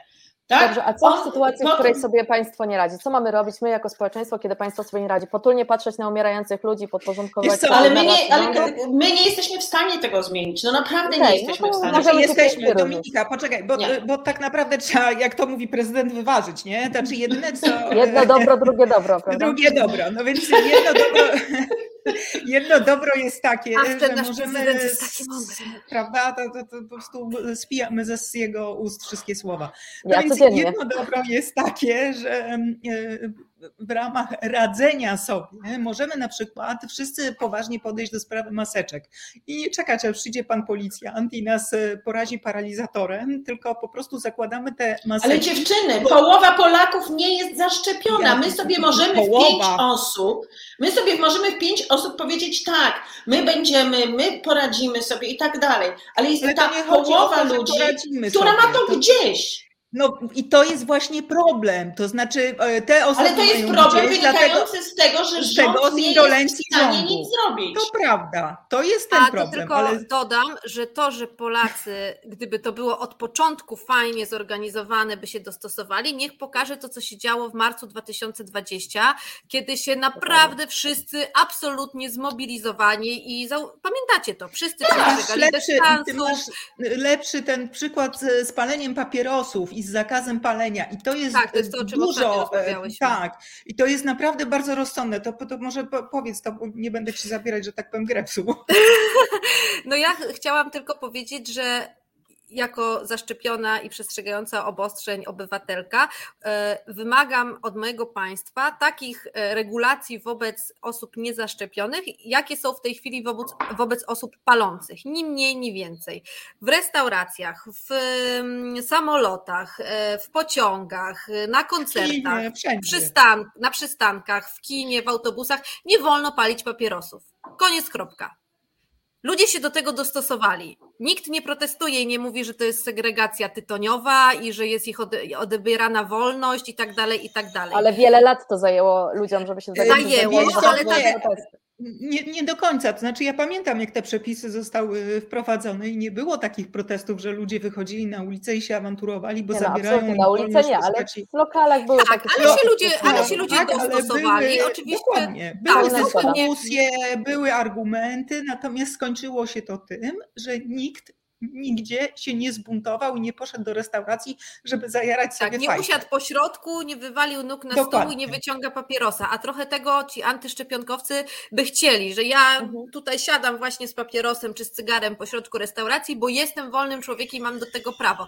No nie, tak ta, twoja wolność kończy się w tym miejscu, w którym Granicą zaczyna zagrażać mojemu dokładnie. E, bezpieczeństwu. Twojej wolności. Twojej wolności. Tak, Granica tak. mojej wolności jest krzywda innego człowieka i to jest taka e, zasada e, filozofa Mila, która bardzo dobrze no, odpowiada naszym czasom. To znaczy nie może być tak, że moja wolność jest absolutna, bo to jest liberum veto i my do niczego w ten sposób nie doprowadzimy.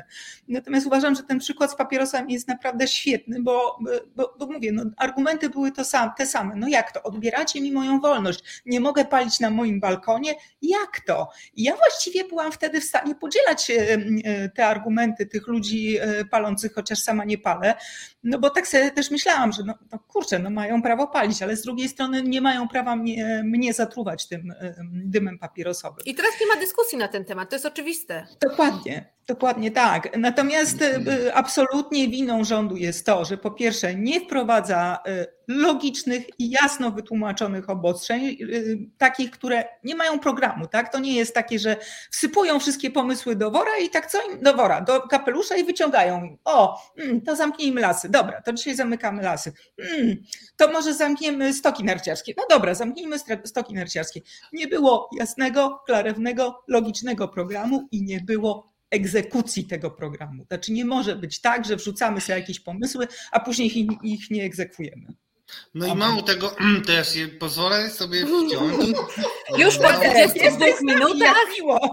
Tak, tak. Chciałem, nie, ale mówiąc zupełnie poważnie, chciałem was spytać, czy mm, podzielacie obawy wielu moich rozmówców e, z polityki, że tak naprawdę mm, ten spór między ludźmi, którzy chcą się szczepić, a ludźmi, którzy budują sobie ideologię sanitaryzmu, bo oni to budują, to jest w ogóle ich e, no, tworzące się na naszych oczach, ich tworzące się na naszych oczach dzieło może być największą emocją społeczną, e, poza oczywiście drożyzną, która będzie irytować i powodować, że władza będzie się wykapywać z kolejnych e, procentów, bo jest to e, chyba nieuniknione. Absolutnie ci... drożyzna będzie najważniejsza, nie będzie COVID. Okej, okay, drożyzna będzie najważniejsza, ale teraz mamy problem, mamy no, tragiczny obraz państwa, które jest sparaliżowane przez... Yy, marzenie o tym, że ewentualnie 3 do 5% ludzi, którzy mogą głosować na Konfederację, ale na przykład nie mają, ja teraz cytuję akurat bardzo kompetentnego polityka, mogą głosować e, na, na, na PiS, a nie chcą na Konfederację, bo ma zbyt wolnościowe postulaty i to mogłoby ograniczyć socjal, więc będziemy robili takie różne oka, pozy, pozory i my sobie gadamy, e, ludzie żyją Lex TVN różnymi rzeczami, a tymczasem mamy znowu od trzy tygodnie e, przesunięte w ogóle rozmowy na temat ustawy Hoca, która nawet sama jako ustawa straciła zęby w międzyczasie. No to, Słuchaj, to... ona wejdzie Ale tak, trzy tygodnie po, po, poczekaj, tylko do, do, dokończę szybciutko, bo a propos terminu, bo to jest tak, ustawa Hoca za trzy tygodnie może wejdzie pod obrady Sejmu, e, później powiedzmy, że kolejny tydzień, dwa damy Senatowi, to jest już pięć tygodni, później później teoretycznie e, prezydent ma 21 dni na podpisanie tej ustawy i zapewne będzie jakieś vacatio legis. Czyli ta ustawa wejdzie na szóstą falę, czyli gdzieś koło września, jak dobrze pójdzie. Więc e, to, to jest w ogóle jakieś kompletne wariactwo.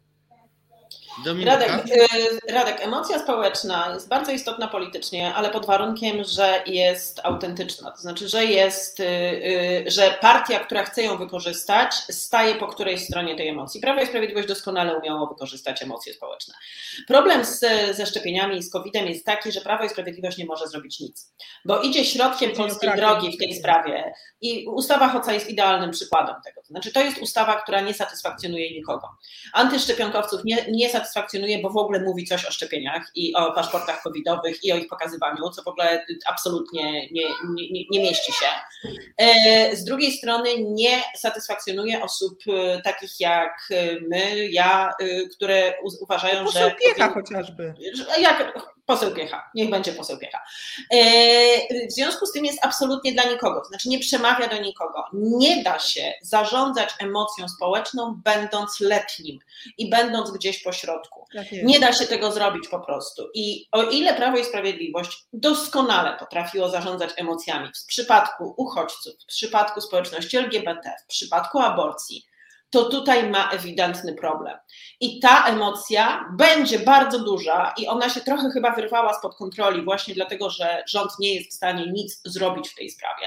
Znaczy, nie jest w stanie opowiedzieć się po żadnej ze stron, bo usiłuje to rozgrywać, ale efekt będzie taki, że ona zagra jak zawsze, dla radykałów, znaczy dla Konfederacji i dla Lewicy w tym przypadku, bo tutaj platforma też jest taka, kurde, nie wiadomo, nie? Tak, z nimi to nigdy nie wiadomo, y, o co im chodzi tak do końca i masz wyłączony Karolina mikrofon.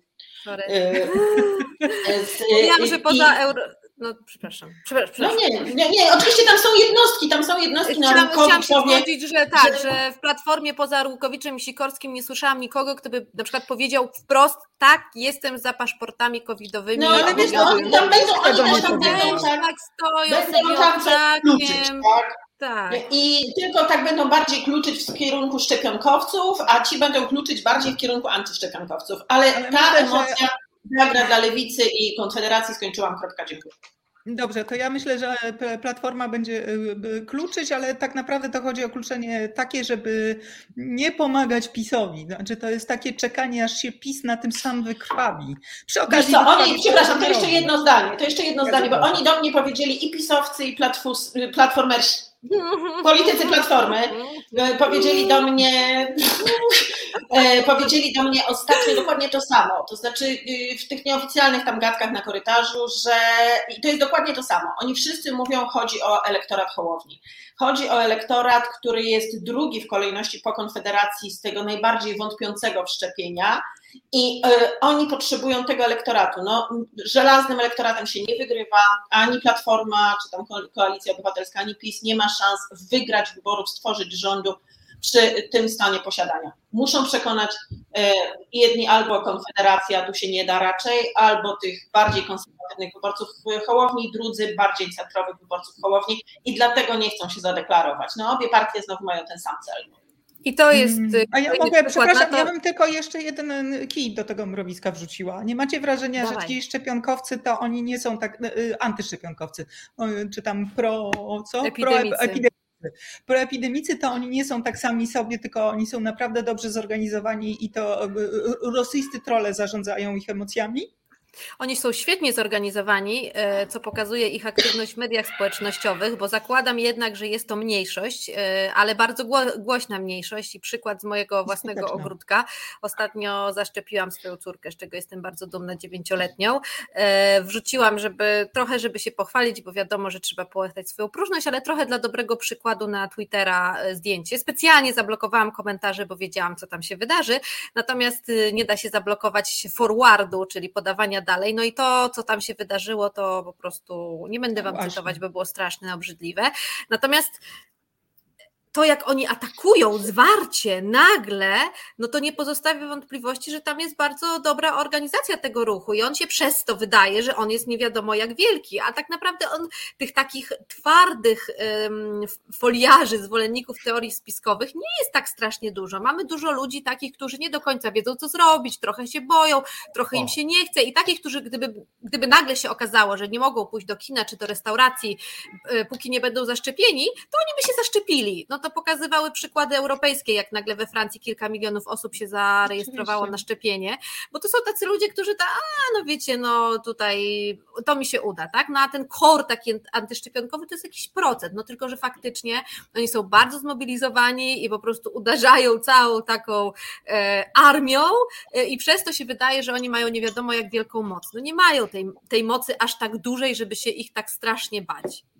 Ale przepraszam, przepraszam, przepraszam, oddany fan Żanety zwraca uwagę, że Żaneta jeszcze się nie wypowiadała, ale zanim to zrobi, to ja e, nawiążę do tego, e, co przed chwilą mówiłaś i wrócę do tego dworczyka. Ja następnym razem będę z transparentami tutaj siedzieć. Tak, ja, ja też o tym pomyślałem. Uwaga, też o tym pomyślałem i pomyślałem sobie nawet, że chciałbym być jak marszałek Witek, która tak sobie może powyciszać, chociaż to nie ona zaczęła. Ale dobrze. E, Albo po prostu, Radek, uważaj. Sama. po prostu tak będzie najlepiej. Uważam, uważam, ale y, słuchajcie, bo y, to jest bardzo ważne y, dla mnie spostrzeżenie, być może banalne, ale na pewno warte podzielenia się z naszymi widzami i słuchaczami, słuchaczkami i widzkami. Czy nie macie wrażenia, że błąd polegał na tym, że pod koniec ubiegłego roku rozpędza się poprzednia fala i rząd nie ma w zasadzie żadnego wytłumaczenia na to, że dał ciała. Wiadomo już, że nie było żadnych programów, e, pomysłów e, Szumowskiego. Wyciągnęły watchdogi plany, których nie było. E, no i rząd nie ma nic na swoje usprawiedliwienie i nagle jest informacja, jest szczepionka gotowa, zaraz może przelatywać i rząd pierwsze co robi mówi tak, już kończymy tą pandemię, zaraz ostatnia prosta, szczepmy się, bądźmy odpowiedzialni. Jak się zaszczepimy, będzie wszystko dobrze. To jest clue. Jak się zaszczepimy, będzie wszystko dobrze. I to jest... dzisiaj się odbija nam wszystkim czkawką, dlatego że zwracam uwagę na pierwszą kwestię. Po pierwszej szczepionce bardzo dużo ludzi nie przyszło na drugą to jest zastanawiające i chciałem, żebyście się wypowiedziały, dlaczego ja mam swoją e, tezę, ale przede wszystkim widać wyraźnie, że te obietnice rządu znowu okazały się puste. No ale to nikt... okazało się no. puste, bo myśmy nie poszli się szczepić, no to to jest ten problem. Ale y, y, ja wiem dlaczego, znaczy, co tu jest największym problemem. Grabka, Żaneta. Przepraszam, ja tylko jedno zdanie powiem.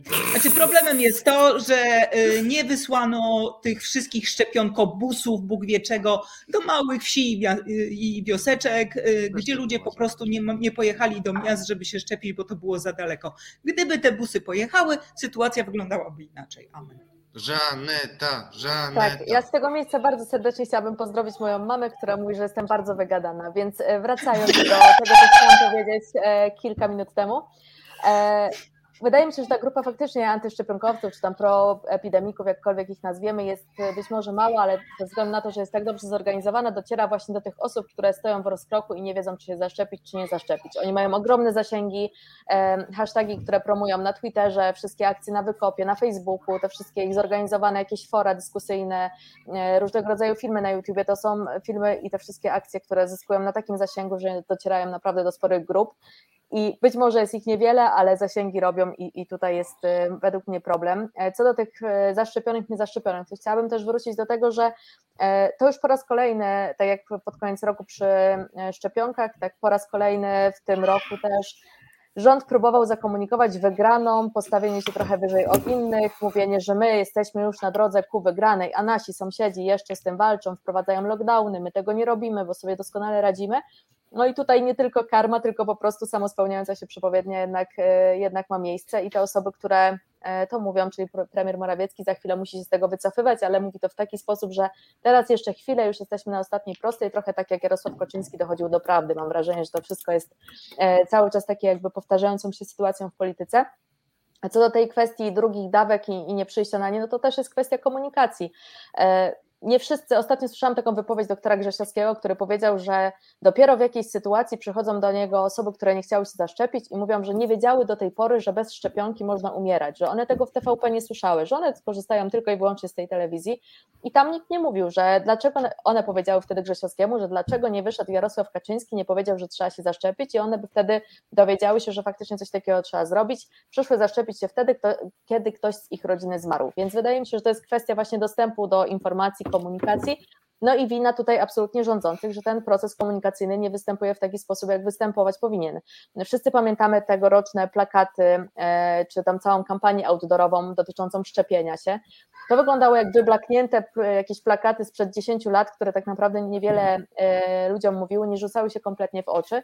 No i nie występowało to w taki sposób, jak powinno występować, czy występowało też na Zachodzie. No, te osoby, które były zaangażowane w całą akcję, ci celebryci czy jacyś sportowcy, to też nie były jakieś naprawdę wielkie nazwiska, oprócz oczywiście olimpijczyków, którzy gdzieś tam się pojawili, to nie były osoby, które są autorytetami dla tej grupy, która nie chce się szczepić moim zdaniem. No tutaj można tych błędów wyliczać mnóstwo. Myślę, że rząd powinien mieć jednak osoby, które y, odpowiedzialne powinny być za komunikację i zewnętrzną i wewnętrzną, żeby doprowadzić do takiej sytuacji, że jednak społeczeństwo dążyłoby do jak największego wyszczepienia. W tej sytuacji mamy, e, w, te, w tym momencie mamy taką sytuację, że e, ci, którzy mieli się zaszczepić, już to zrobili. Ci, którzy chcieli namówić swoich bliskich, już to zrobili. Tak jak Karolina, osoby, które są świadome i, i, i, konsekwencji i też świadome jakby tego, w jaki sposób szczepionki działają, zaszczepiły swoje dzieci, namówiły znajomych, żeby zaszczepili swoje dzieci i to już jest grupa, która jest zamknięta. My cały czas stoimy w miejscu, jeżeli chodzi o osoby, które, które możemy w to wszystko zaangażować. I też wydaje mi się, że już trochę ten moment, kiedy można było coś zrobić, minął, że było mnóstwo takich momentów, w których można było właśnie z taką komunikacją wkroczyć albo e, nie ignorować ekspertów, jak na przykład głosy Rady Medycznej, które są konsekwentnie ignorowane przez rządzących co daje też poczucie społeczeństwu, że jednak ci wszyscy autory, autorytety, które gdzieś tam występują w okolicy rządu, nic nie znaczą. Więc cały czas gdzieś tam jest podbijana ta taka negatywna emocja, że może jednak w tych szczepionkach coś takiego złego jest, co, co, co sprawia, że tych ludzi się do tego nie zachęca. Myślę, że tam jest kilka takich wątków i nie ma łatwej odpowiedzi na to, co zrobić, bo wydaje mi się, że tak jak powiedziałam, no ten moment już minął i teraz trzeba ja trochę ratować, gasić ten pożar, który cały czas się tli i on się tak łatwo nie da wygasić, a premier Morawiecki w różnych sytuacjach pokazuje, że trochę wznieca ten pożar, a później chwali się tym, że go gasi, stojąc z, konew z konewką i podlewając tą ścianę, która gdzieś tam płonie. Premier więc... Morawiecki nie może nic ja chciałam, złego powiedzieć, on tylko Ja chciałam na obronę premiera powiedzieć jedno, jedno słowo. Na obronę premiera chciałam powiedzieć jedno słowo, że ja się nie dziwię, że on y, nie traktuje poważnie Rady Medycznej przy premierze, skoro y, pan profesor Horban regularnie opowiada brednie, których się słuchać no to inna sprawa. Ale w tej Radzie Medycznej zasiada dużo więcej ludzi. Tak, oczywiście. Horban został wybrany jako... Ale Horban niestety jest y, powodem i myślę... Jedno, no, no dobrze, ale Dominika to konkretnie mówimy, bo to rzadko masz okazję powiedzieć, y, jakie... Ja rzadko masz okazję Dominika się odezwać, to proszę, proszę, antena jest twoja. Podziel się z klasą, wszyscy się pośmiejemy. No nie, no powiedz, kretyńskie wypowiedzi Horbana. Wiesz co, y, ja nawet napisałam ze dwa artykuły o tym, ale no naprawdę, no nie będę przytaczała tutaj wypowiedzi wszystkich Horbana, które były Tak, tak, bo on mówił, że te szczepionki to nie wiadomo. Tak, na salę, zdejmował maseczkę i mówił, na wszelki wypadek zdejmę jednak tą maseczkę. Już tak, tym i, samym i, pokazywał, już, że... że szczepionki nie wiadomo, czy będą działały, czy nie będą. No w ogóle... On też mówił, że serio. doceńmy tych, którzy podjęli ryzyko zaszczepienia się, no e, i tak. od razu ci kiełkuje w głowie, że to jest ryzyko. Tak, że jest ryzyko jakieś, tak, że, a, potem, a potem po cichu, po ciemku wychodzi kraska na, w Sejmie na mównicę i mówi, że nie było ani jednego przypadku śmierci wywołanego nopem, tak? I to mówi o godzinie 29 w, w Sejmie, kiedy nikt go już nie słucha, nie? Znaczy jakieś absurdalne historie. Ja chciałam tylko powiedzieć y, w nawiązaniu do tego, co mówiła Żaneta, że ja uważam, że ten kapitał zaufania społecznego został zmarnowany na samym początku, dlatego o czym też już mówiłam wcześniej, my na początku głową, Państwo, tak. na, tak. na wiosnę, na, na wiosnę 2020 e, roku bardzo się wszyscy zmobilizowaliśmy i rzeczywiście wszyscy tych obostrzeń przestrzegaliśmy, tego dystansu pilnowaliśmy, e, dezynfekowaliśmy ręce. Ja pamiętam po swoim. Wtedy. Baliśmy się i byliśmy zmobilizowani, po czym zostało wprowadzone ileś naprawdę kretyńskich rozwiązań w stylu zakaz tak. wstępu do lasu, czy obowiązek noszenia maseczek w parku. kopertowe przede czy, wszystkim. No wybory kopertowe. I potem zaczęła się tak, ta, jakaś taka właśnie dziwna zabawa w odwoływanie pandemii, powrót pandemii, odwoływanie. No, działy się i, i w tym momencie to zaufanie e, do rządu i do tego, że te decyzje są racjonalne, prysło. Gdyby one, po pierwsze ten lockdown pierwszy trwał zdecydowanie za długo, e, bo w ogóle przy takiej liczbie zakażeń, jaka była wtedy, ja przypominam, że ten pierwszy lockdown był wprowadzany, jak zakażeń chyba było 27 dziennie, wiecie, 27 sztuk zakażeń dziennie. Karolina, tak. drugi lockdown to był horror, to znaczy twoje dziecko starsze też chodzi do szkoły, tak? Przecież tak? one mają rok w plecy znaczy, dzieci poszły do szkoły w październiku zeszłego roku, a potem poszły w kwietniu tego roku. Przez cały rok nie były w szkole, po prostu. To, to był horror. W każdym razie I chodzi ja mi się... o to w skrócie, że tymi nieracjonalnymi decyzjami został zmarnowany ten kapitał zaufania społecznego, który teraz, jeśli już tak się strasznie bronimy przed wprowadzeniem obostrzeń, który teraz mógłby zostać wykorzystany do tego, żeby ludzi nakłonić do szczepień. Ale wiecie co, mnie to absolutnie zaskakuje, że nie, ja teraz ja. Mnie to Dobra. absolutnie zaskakuje, że y, w, patrząc na maile Dworczyka, i o czym żeśmy już mówiły przed chwilą, yy, widać wprost, że wszystko w tym rządzie to jest PR, tak? To znaczy opiera się absolutnie tylko i wyłącznie na PR-ze. A potem okazuje się, że ten PR jest taki słaby. Znaczy, wszystko tu jest słabe. Pierwszy porządny filmik pod tytułem Szczepcie się, jaki zobaczyłam, to był filmik z Tuskiem. Znaczy, też wiem, że to jest PR, tak? Znaczy, też wiem, że to jest mistrz yy, bajeru i że on potrafi to tak ładnie wszystko odkręcić, żeby wyglądało to super fajnie ale to był naprawdę dobry film. To znaczy, idzie lider, szczepi się, mówi jak, Widać, jak że kochasz to się, tak, jak kochasz to się zaszczep, bo chce się zobaczyć z dziećmi i wnukami i wszystko jest cacy. Znaczy to powinien zrobić premier, to powinien Oczywiście. zrobić prezes, prezydent. to powinien prezydent. zrobić prezydent. Ale tak? prezydent nie, nie, lubi jak mu się majstruje tak. igłą przy ramieniu. Ale się zaszczepił trzecią dawką. No tak, no świetnie, po cichu. Ale cierpiał. Znaczy, gdyby, znaczy, cierpiał pokazały się dwa zdjęcia ze szczepień. Jedno to było zdjęcie e, e, trzeciej dawki Morawieckiego jak w tym swoim czarnym golfiku poszedł tam się e, e, zaszczepić. I to była fotka jedna, to nie był e, filmik, i druga to był Karczewski, który się zaszczepił, i też była to fotografia. Natomiast gdyby rzeczywiście na początku panowie wzięli się w kupę, zacisnęli zęby, bo te swoje strachy mogli schować do kieszeni, bo jak jesteś prezydentem, to nie możesz mieć jakichś prywatnych. Trzeba być twardym. Nie, musisz być twardym. Nie możesz I trzeba czasem podjąć takie decyzje, że ci się nawet w głowie nie mieści. Dokładnie, dokładnie tak tak. I jak podejmiesz taką decyzję, że ci się w głowie nie mieści, że jednak no trudno, boję się, ale dam się zaszczepić i niech ludzie to zobaczą, to sytuacja wyglądałaby inaczej. Ale ponieważ pan prezydent się boi, jak mu się majdruje przy, przy ręku, pan premier też jakoś nie chciał pokazać nie wiem, żeby nie że ci antyszczepionkowcy się zniechęcą, bo się zaszczepił. A pan prezydent w ogóle nie lubi pokazywać niczego, więc... To, to prawda. A poza tym wiesz. Właściwie to ja nie wiem, czy ja bym chciała oglądać no prezesa, no który się szczepi. Ja przez chwilę pomyślałam, że bym chciała, ale tak zaczęłam sobie myśleć o tych e, ramionach i tak.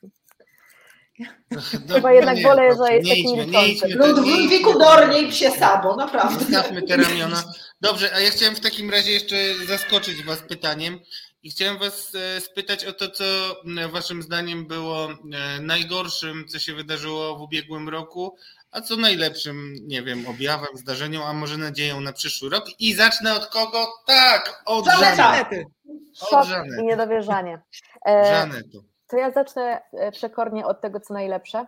E, wydaje mi się, że jako społeczeństwo się sprawdzamy bardzo mocno mimo wszystko. Jako, jak obserwuję chociażby te ostatnie, e, ostatnie protesty, które były, nie tylko mówię o obronie e, TVN-u czy obronie wolnych mediów, ale mam na myśli też obronę, wyjście na ulicę przy, po śmierci Izabeli z Pszczyny. Myślę o sytuacjach, w których są jakieś takie oddolne inicjatywy wspierające chociażby dzieciaki, które potrzebują dużych funduszy na leczenie. Myślę, że w takich sytuacjach jesteśmy w stanie pokazać, że jednak tych ludzi dobrej woli, jakby to patetycznie nie zabrzmiało, jest więcej i trochę takiego kolorytu w tej szaroburej e, rzeczywistości jest wprowadzane, więc e, tutaj ogromne brawa dla społeczeństwa, że mimo wszystko w tej takiej dusznej atmosferze potrafią wykrzesić w sobie takie pozytywne nuty.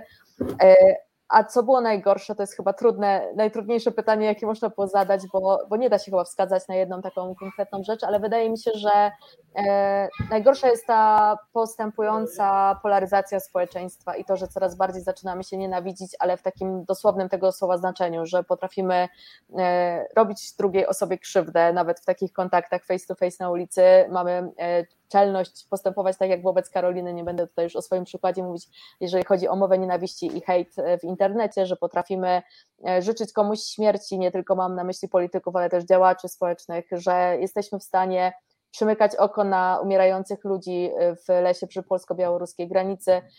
Ta znieczulica, która nas wszystkich dotknęła, to jest oczywiście postępująca znieczulica od wielu lat, ale myślę, że w tym roku wszyscy jesteśmy w stanie wskazać miliony takich przykładów, kiedy jako społeczeństwo tutaj też mamy, ta druga część społeczeństwa, nie chcę tego też tak nazywać, bo tutaj znowu wchodzimy w ten, w ten podział, ale jest taka grupa, która po prostu bardzo dobrze się czuje w tym takim e, jadowitym sosie, w którym może się taplać na co dzień i, i z wszystkim nam to szkodzi, ale e, przedświątecznie wolałabym się skupić jednak na tej pozytywnej grupie, która potrafi się zjednoczyć i potrafi działać i mam nadzieję, że takich ludzi dobrej woli będzie coraz więcej.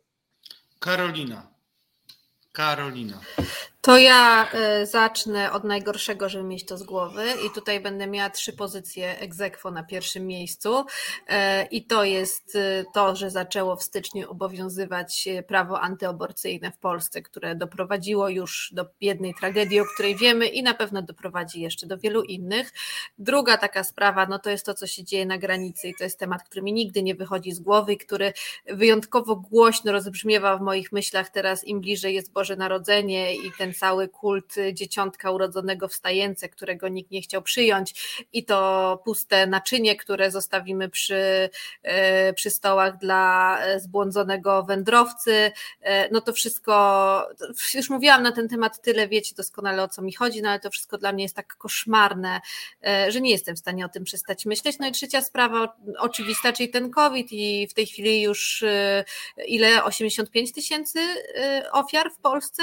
Coś koło tego ostatni tydzień ponad 3000, to jest tak szybko przerastające, że... Niedługo dojdziemy do... Stu... A poza do, tym do... są ci, którzy umierają nie z powodu COVID-u, tak, ale dlatego, że do szpitala nie mogą dostać. Myślę, że takie analizy na pewno się pojawią, ile osób nadmiarowo, że tak się w dość zimnym języku e, statystycznym wyrażę, umarło nie z powodu e, bezpośrednio COVID-u, tylko dlatego, że mieli inne choroby, których albo nie leczyli, bo się bali pójść do przychodni, albo po prostu się do tych szpitali nie dostali. No więc to są te najgorsze rzeczy. Jeśli chodzi o najlepsze, to mm, tego roku, to po pierwsze latem wyszła nowa, wyczekana powieść Stephena Kinga Billy Summers, bardzo dobry kryminał. Pierwszy raz e, mistrz popełnił stuprocentowy kryminał e, niemalże bez wątków fantastycznych. E, druga rzecz to jest drugi sezon Wiedźmina, który właśnie zaczęłam oglądać. Na razie mi się bardzo, bardzo podoba, dużo bardziej niż pierwszy. No, a poza tym ten Wiedźmin, no to słuchajcie, no, no można by go oglądać oglądać bez dźwięku. Ten, Wiedźmin, tak, ten zdecydowanie, można bez dźwięku. Można. A trzecia rzecz, którą nie, na którą nie wiem, czy zwróciliście, zwróciłyście, zwróciliście uwagę, ale ja ją obserwuję, że w mediach mainstreamowych i nie tylko powoli do głosu dochodzi nowe, młodsze pokolenie dziennikarzy e, być może my tu zebrani jesteśmy trochę jego przedstawicielami. Ty, Dominika, znaczy, też mimo, że robisz tak. głupie e, miny. Chodzi mi o to, że to taka e, e, elita dziennikarska trzeciej RP, którą bardzo szanuję, ale która też w którymś momencie powinna dopuścić młodszych kolegów do głosu. Mam wrażenie, że powoli sobie zdaję z tego sprawę, bądź też ci młodzi koledzy są już na tyle silni i pewni siebie, że sami sobie to miejsce zabierają i to jest zjawisko, które obserwuję i ono mi się podoba również. Mnie też się podoba Beata teraz. No więc Ale dla mnie chyba najgorsze on, jest on to, mnie co... chyba, On mnie chyba sekuje, nie? Nie, on cię zostawił sobie na deser. Aha, Bo jak już ci odda antenę, to już... To już się nikt nie dostanie. E, więc my, ja uważam, że to, co się dzieje na granicy jest jednocześnie i najgorsze e, i najlepsze to, co nas spotkało. Najgorsze dlatego, że wyłażą z nas obrzydliwe rzeczy, absolutnie obrzydliwe. Jest ta grupa ludzi, którzy, mm, e, no, jak już słyszę pana jednego w telewizji zwanej publiczną, który mówi, a dlaczego my do nich nie strzelamy, no to po prostu prostu mnie krew zalewa, tak? I, e, i, i wyłażą takie właśnie takie zobojętnienie, czasami taki absolutny lęk, czasami koniunkturalizm. To jest straszne, ale z drugiej strony pojawiła się cała masa fantastycznych ludzi, którzy tym uchodźcom pomagają którzy gotują jakieś hektolitry zup na granicy zachodniej i przewożą je na wschód. Y, cała masa ludzi y, wysłała jakieś, jakieś ubrania. No ja rozmawiałam ostatnio z Mirosławem Miniszewskim, tak zupełnie prywatnie, człowiekiem, który tam mieszka, nie wiem, 100 czy 200 metrów od granicy i pytam jak jest. On mówi, że jest strasznie, no bo dalej oni są w tym stanie wyjątkowym. Natomiast mówi, że ma pełną stodołę rzeczy dla uchodźców i mówi, jak to się wszystko skończy, ja po prostu do tych ośrodków dla uchodźców to wyślę. Więc y, wyszło z nas dużo dobrego i, i to jest fajne i to mi się też podoba. To, co jest straszne, to są y, te nadmiarowe śmierci z powodu COVID-u i, y, i z powodu tych ludzi, którzy umierają, bo nie mogą się dostać do lekarza, nie mogą się dostać do szpitali. To jest absolutny dramat. Znaczy, Polska straciła jakieś duże miasto porządne w tym COVID-zie i dopiero w zeszłym tygodniu e, Senat szarpnął się na to, przepraszam, że mówię, szarpnął się e, na to, żeby postawić świeczki i chorągiewki przed Senatem i żeby jakoś te osoby uczcić. E, Sejm tam się chyba raz pomodlił, więc umówmy się, może się pomodlić zawsze, bo to ci posłowie PiSu są, są wyrybni. To, co jest dobre i to, co jest ciekawe, to, że artyści y, zaczęli się bardzo angażować po tych, w tych charytatywnych imprezach, ale też interpretują nasze klasyki literatury, y, dopasowując je do tych współczesnych czasów. To znaczy, tu jest jedna sprawa tego wesela, ale dużo było takich przedstawień, które pokazywały, które były dla nas lustrem po prostu, dla nas, dla społeczeństwa. Więc to jest, to jest dla mnie fantastyczne. To, że się spieramy na tych różnych protestach, jak mówiła Żaneta, to ja mam niedosyt. To znaczy, y, y, dla mnie nas tam powinny być po prostu setki tysięcy, a nie dziesiątki tysięcy, ponieważ nam się odbiera wolność. I chyba to, co jest złe, to to, że zaczynamy się przynajmniej w niektórych przypadkach urządzać w dupie, albo jesteśmy tą, tą, tą żabą, która już się ugotowała. I to jest dla mnie złe. No i absolutnym złem jest dla mnie, to są rządy PiSu. No sorry, nic gorszego chyba w historii ostatnich 30 lat nie spotkało Polski. Dominiko. Wiesz co, cały czas nie, w sumie się cieszyłam, że tak na koniec mnie zostawiłeś, bo ja się cały czas zastanawiam, co było dobrego w tym roku i szczerze Wiedźmin. mówiąc... Wiedźmin. Poza Wiedźminem, kurczę, niewiele. No. Y, Assassin's Creed wyszedł w zeszłym roku, chociaż można go przerzucić na ten. Y, to jest naprawdę doskonała gierka. Niestety na następną będę musiała czekać jeszcze ze 3 lata na następną część a poza tym no jest słabo, ale e, szczerze mówiąc uważam, że zeznania, zeznania Borowca, które ujawnił Wojtek Czuchnowski w Gazecie Wyborczej są czymś, co nam się obróci na dobre.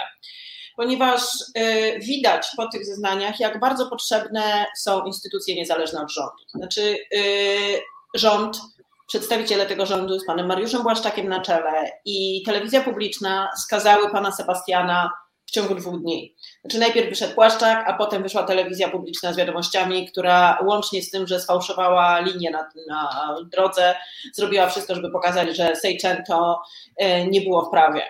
I, e, a teraz wiemy, że pani premier spała i nie było e, sygnałów dźwiękowych, o czym się mówiło od samego początku. Znaczy, to były plotki, które, które krążyły po tak zwanym mieście. No to były początku. zeznania tych świadków, którzy wychodzili teraz z tego mamy, spotkania. Teraz mamy człowieka, Teraz mamy człowieka, który to mówi i uważam, że to uświadomi bardzo, mam nadzieję, wielu ludziom, jak bardzo potrzebne nam są instytucje obywatelskie. Znaczy, jak bardzo potrzebne nam są instytucje, które będą nas bronić przed y, władzą.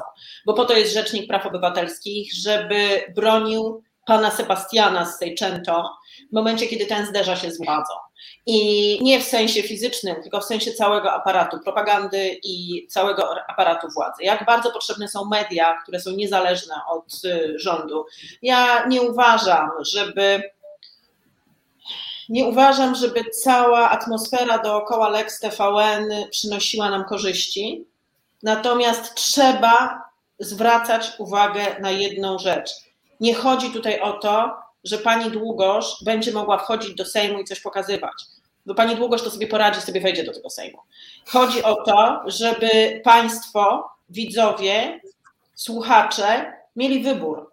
Mieli wybór przed y, y, nie tylko polityczny, ale również wybór medium, któremu wierzą, któremu ufają, które chcą oglądać. bo z tego wyboru biorą się wybory polityczne. W momencie, kiedy widzicie dwie różne rzeczywistości, widzi, mo, możecie wybrać, w co wierzycie, komu wierzycie. A w momencie, kiedy widzicie tylko TVP, to gówno możecie wybrać. I niestety do tego zmierzamy. I dlatego uważam, że ta ostatnia sprawa z tego tygodnia być może jest tym dobrym, co otworzy ludziom trochę oczy na to, po co są takie instytucje, które z rządem mają niewiele wspólnego. To, co było najgorsze, no dziewczyny wyliczyły wszystko. No tu naprawdę, serio, no tu ręce opadają. No to co, co trzeci Ja mam jeszcze jedno. Serial Squid Game. To dobre czy niedobre, bo ja nie, nie.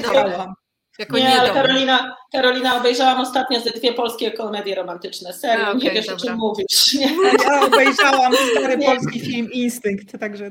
Nie, serio, dwie komedie romantyczne. Bardzo, Dlaczego to znaczy... sobie zrobiłaś? Trzeba się chora, chora byłam. Chora byłam trochę. Wiecie co, ale z tych dobrych rzeczy... Nie, ale i poczekajcie, bo jeszcze tą złą Dobra. jakąś... A, i jeszcze jedna dobra rzecz. Dobra rzecz, uważam, że dobrą rzeczą jest Mejza. Naprawdę.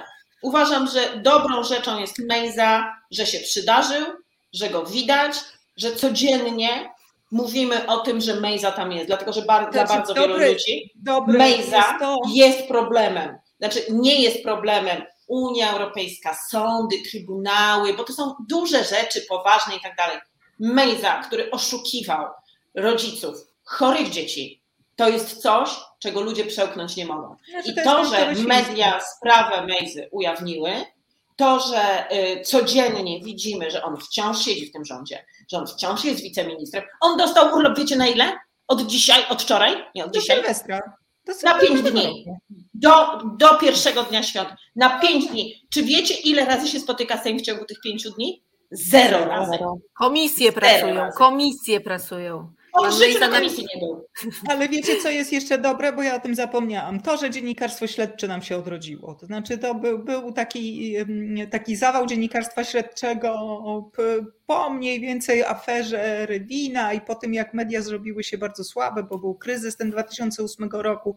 Media nie miały pieniędzy i jakoś to dziennikarstwo śledcze umierało, a w tej chwili jest bardzo silna ekipa zdolnych, także młodych bardzo reporterów śledczych i oni odwalają kawał fantastycznej roboty.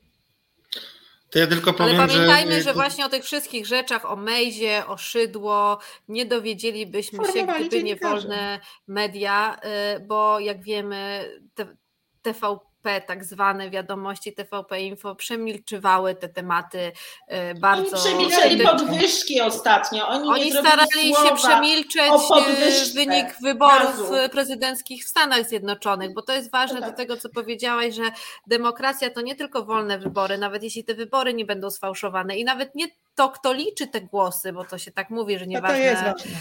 E, to jest ale, ale dostęp do informacji. To jest dostęp do, do niezależnej informacji z różnych stron pokazywanej. To jest fundament demokracji. Bez tego. Znaczy, serio, bo ja nie się ma. nie upieram, trzeba kochać Newsweeka, czy y, mnie i mi wierzyć. Dzwonek sobie. Można sobie brać. Dzwonek sobie, laskę marszałkowską ci kupimy. Laskę ci w Dobrze, że ja mam jeszcze, dzisiaj byłyście gościniami. Sam chciałeś, Radek. Dochod Dochodzenie prawdy, wyjątkowy program z wyjątkowymi gościniami. To był i naszymi gościniami była Żaneta Gotowalska, która dała radę się przebić na temat PL, Karolina Opolska, Onet, Bata Grabarczyk, Radio Nowy Świat i Dominika Długosz, Newsweek. I nadal się wszystkie lubimy. Wesołych świąt? Wesołych świąt? Tak, wesołych świąt. Pokoju. I szczęśliwego. Ja się na pewno jeszcze do Was odezwę, bo co ja bym zrobił bez Was? No ale do widzów i naszych słuchaczy mówimy. Wszystkiego dobrego. Tak jest. Wszystkiego Także od nas. Słyszymy się w przyszłym roku. Słyszymy 22 był lepszy niż 2020. Owszem, dokładnie. Wszystkiego dobrego dziewczyny, wszystkiego dobrego resetarianki, resetarianie. Słyszymy się już wkrótce. A to było dochodzenie prawdy na resecie obywatelskim. Słuchajcie nas i wspierajcie dalej, bo będziemy tylko lepsi i lepsze. Dobranoc. Dobranoc.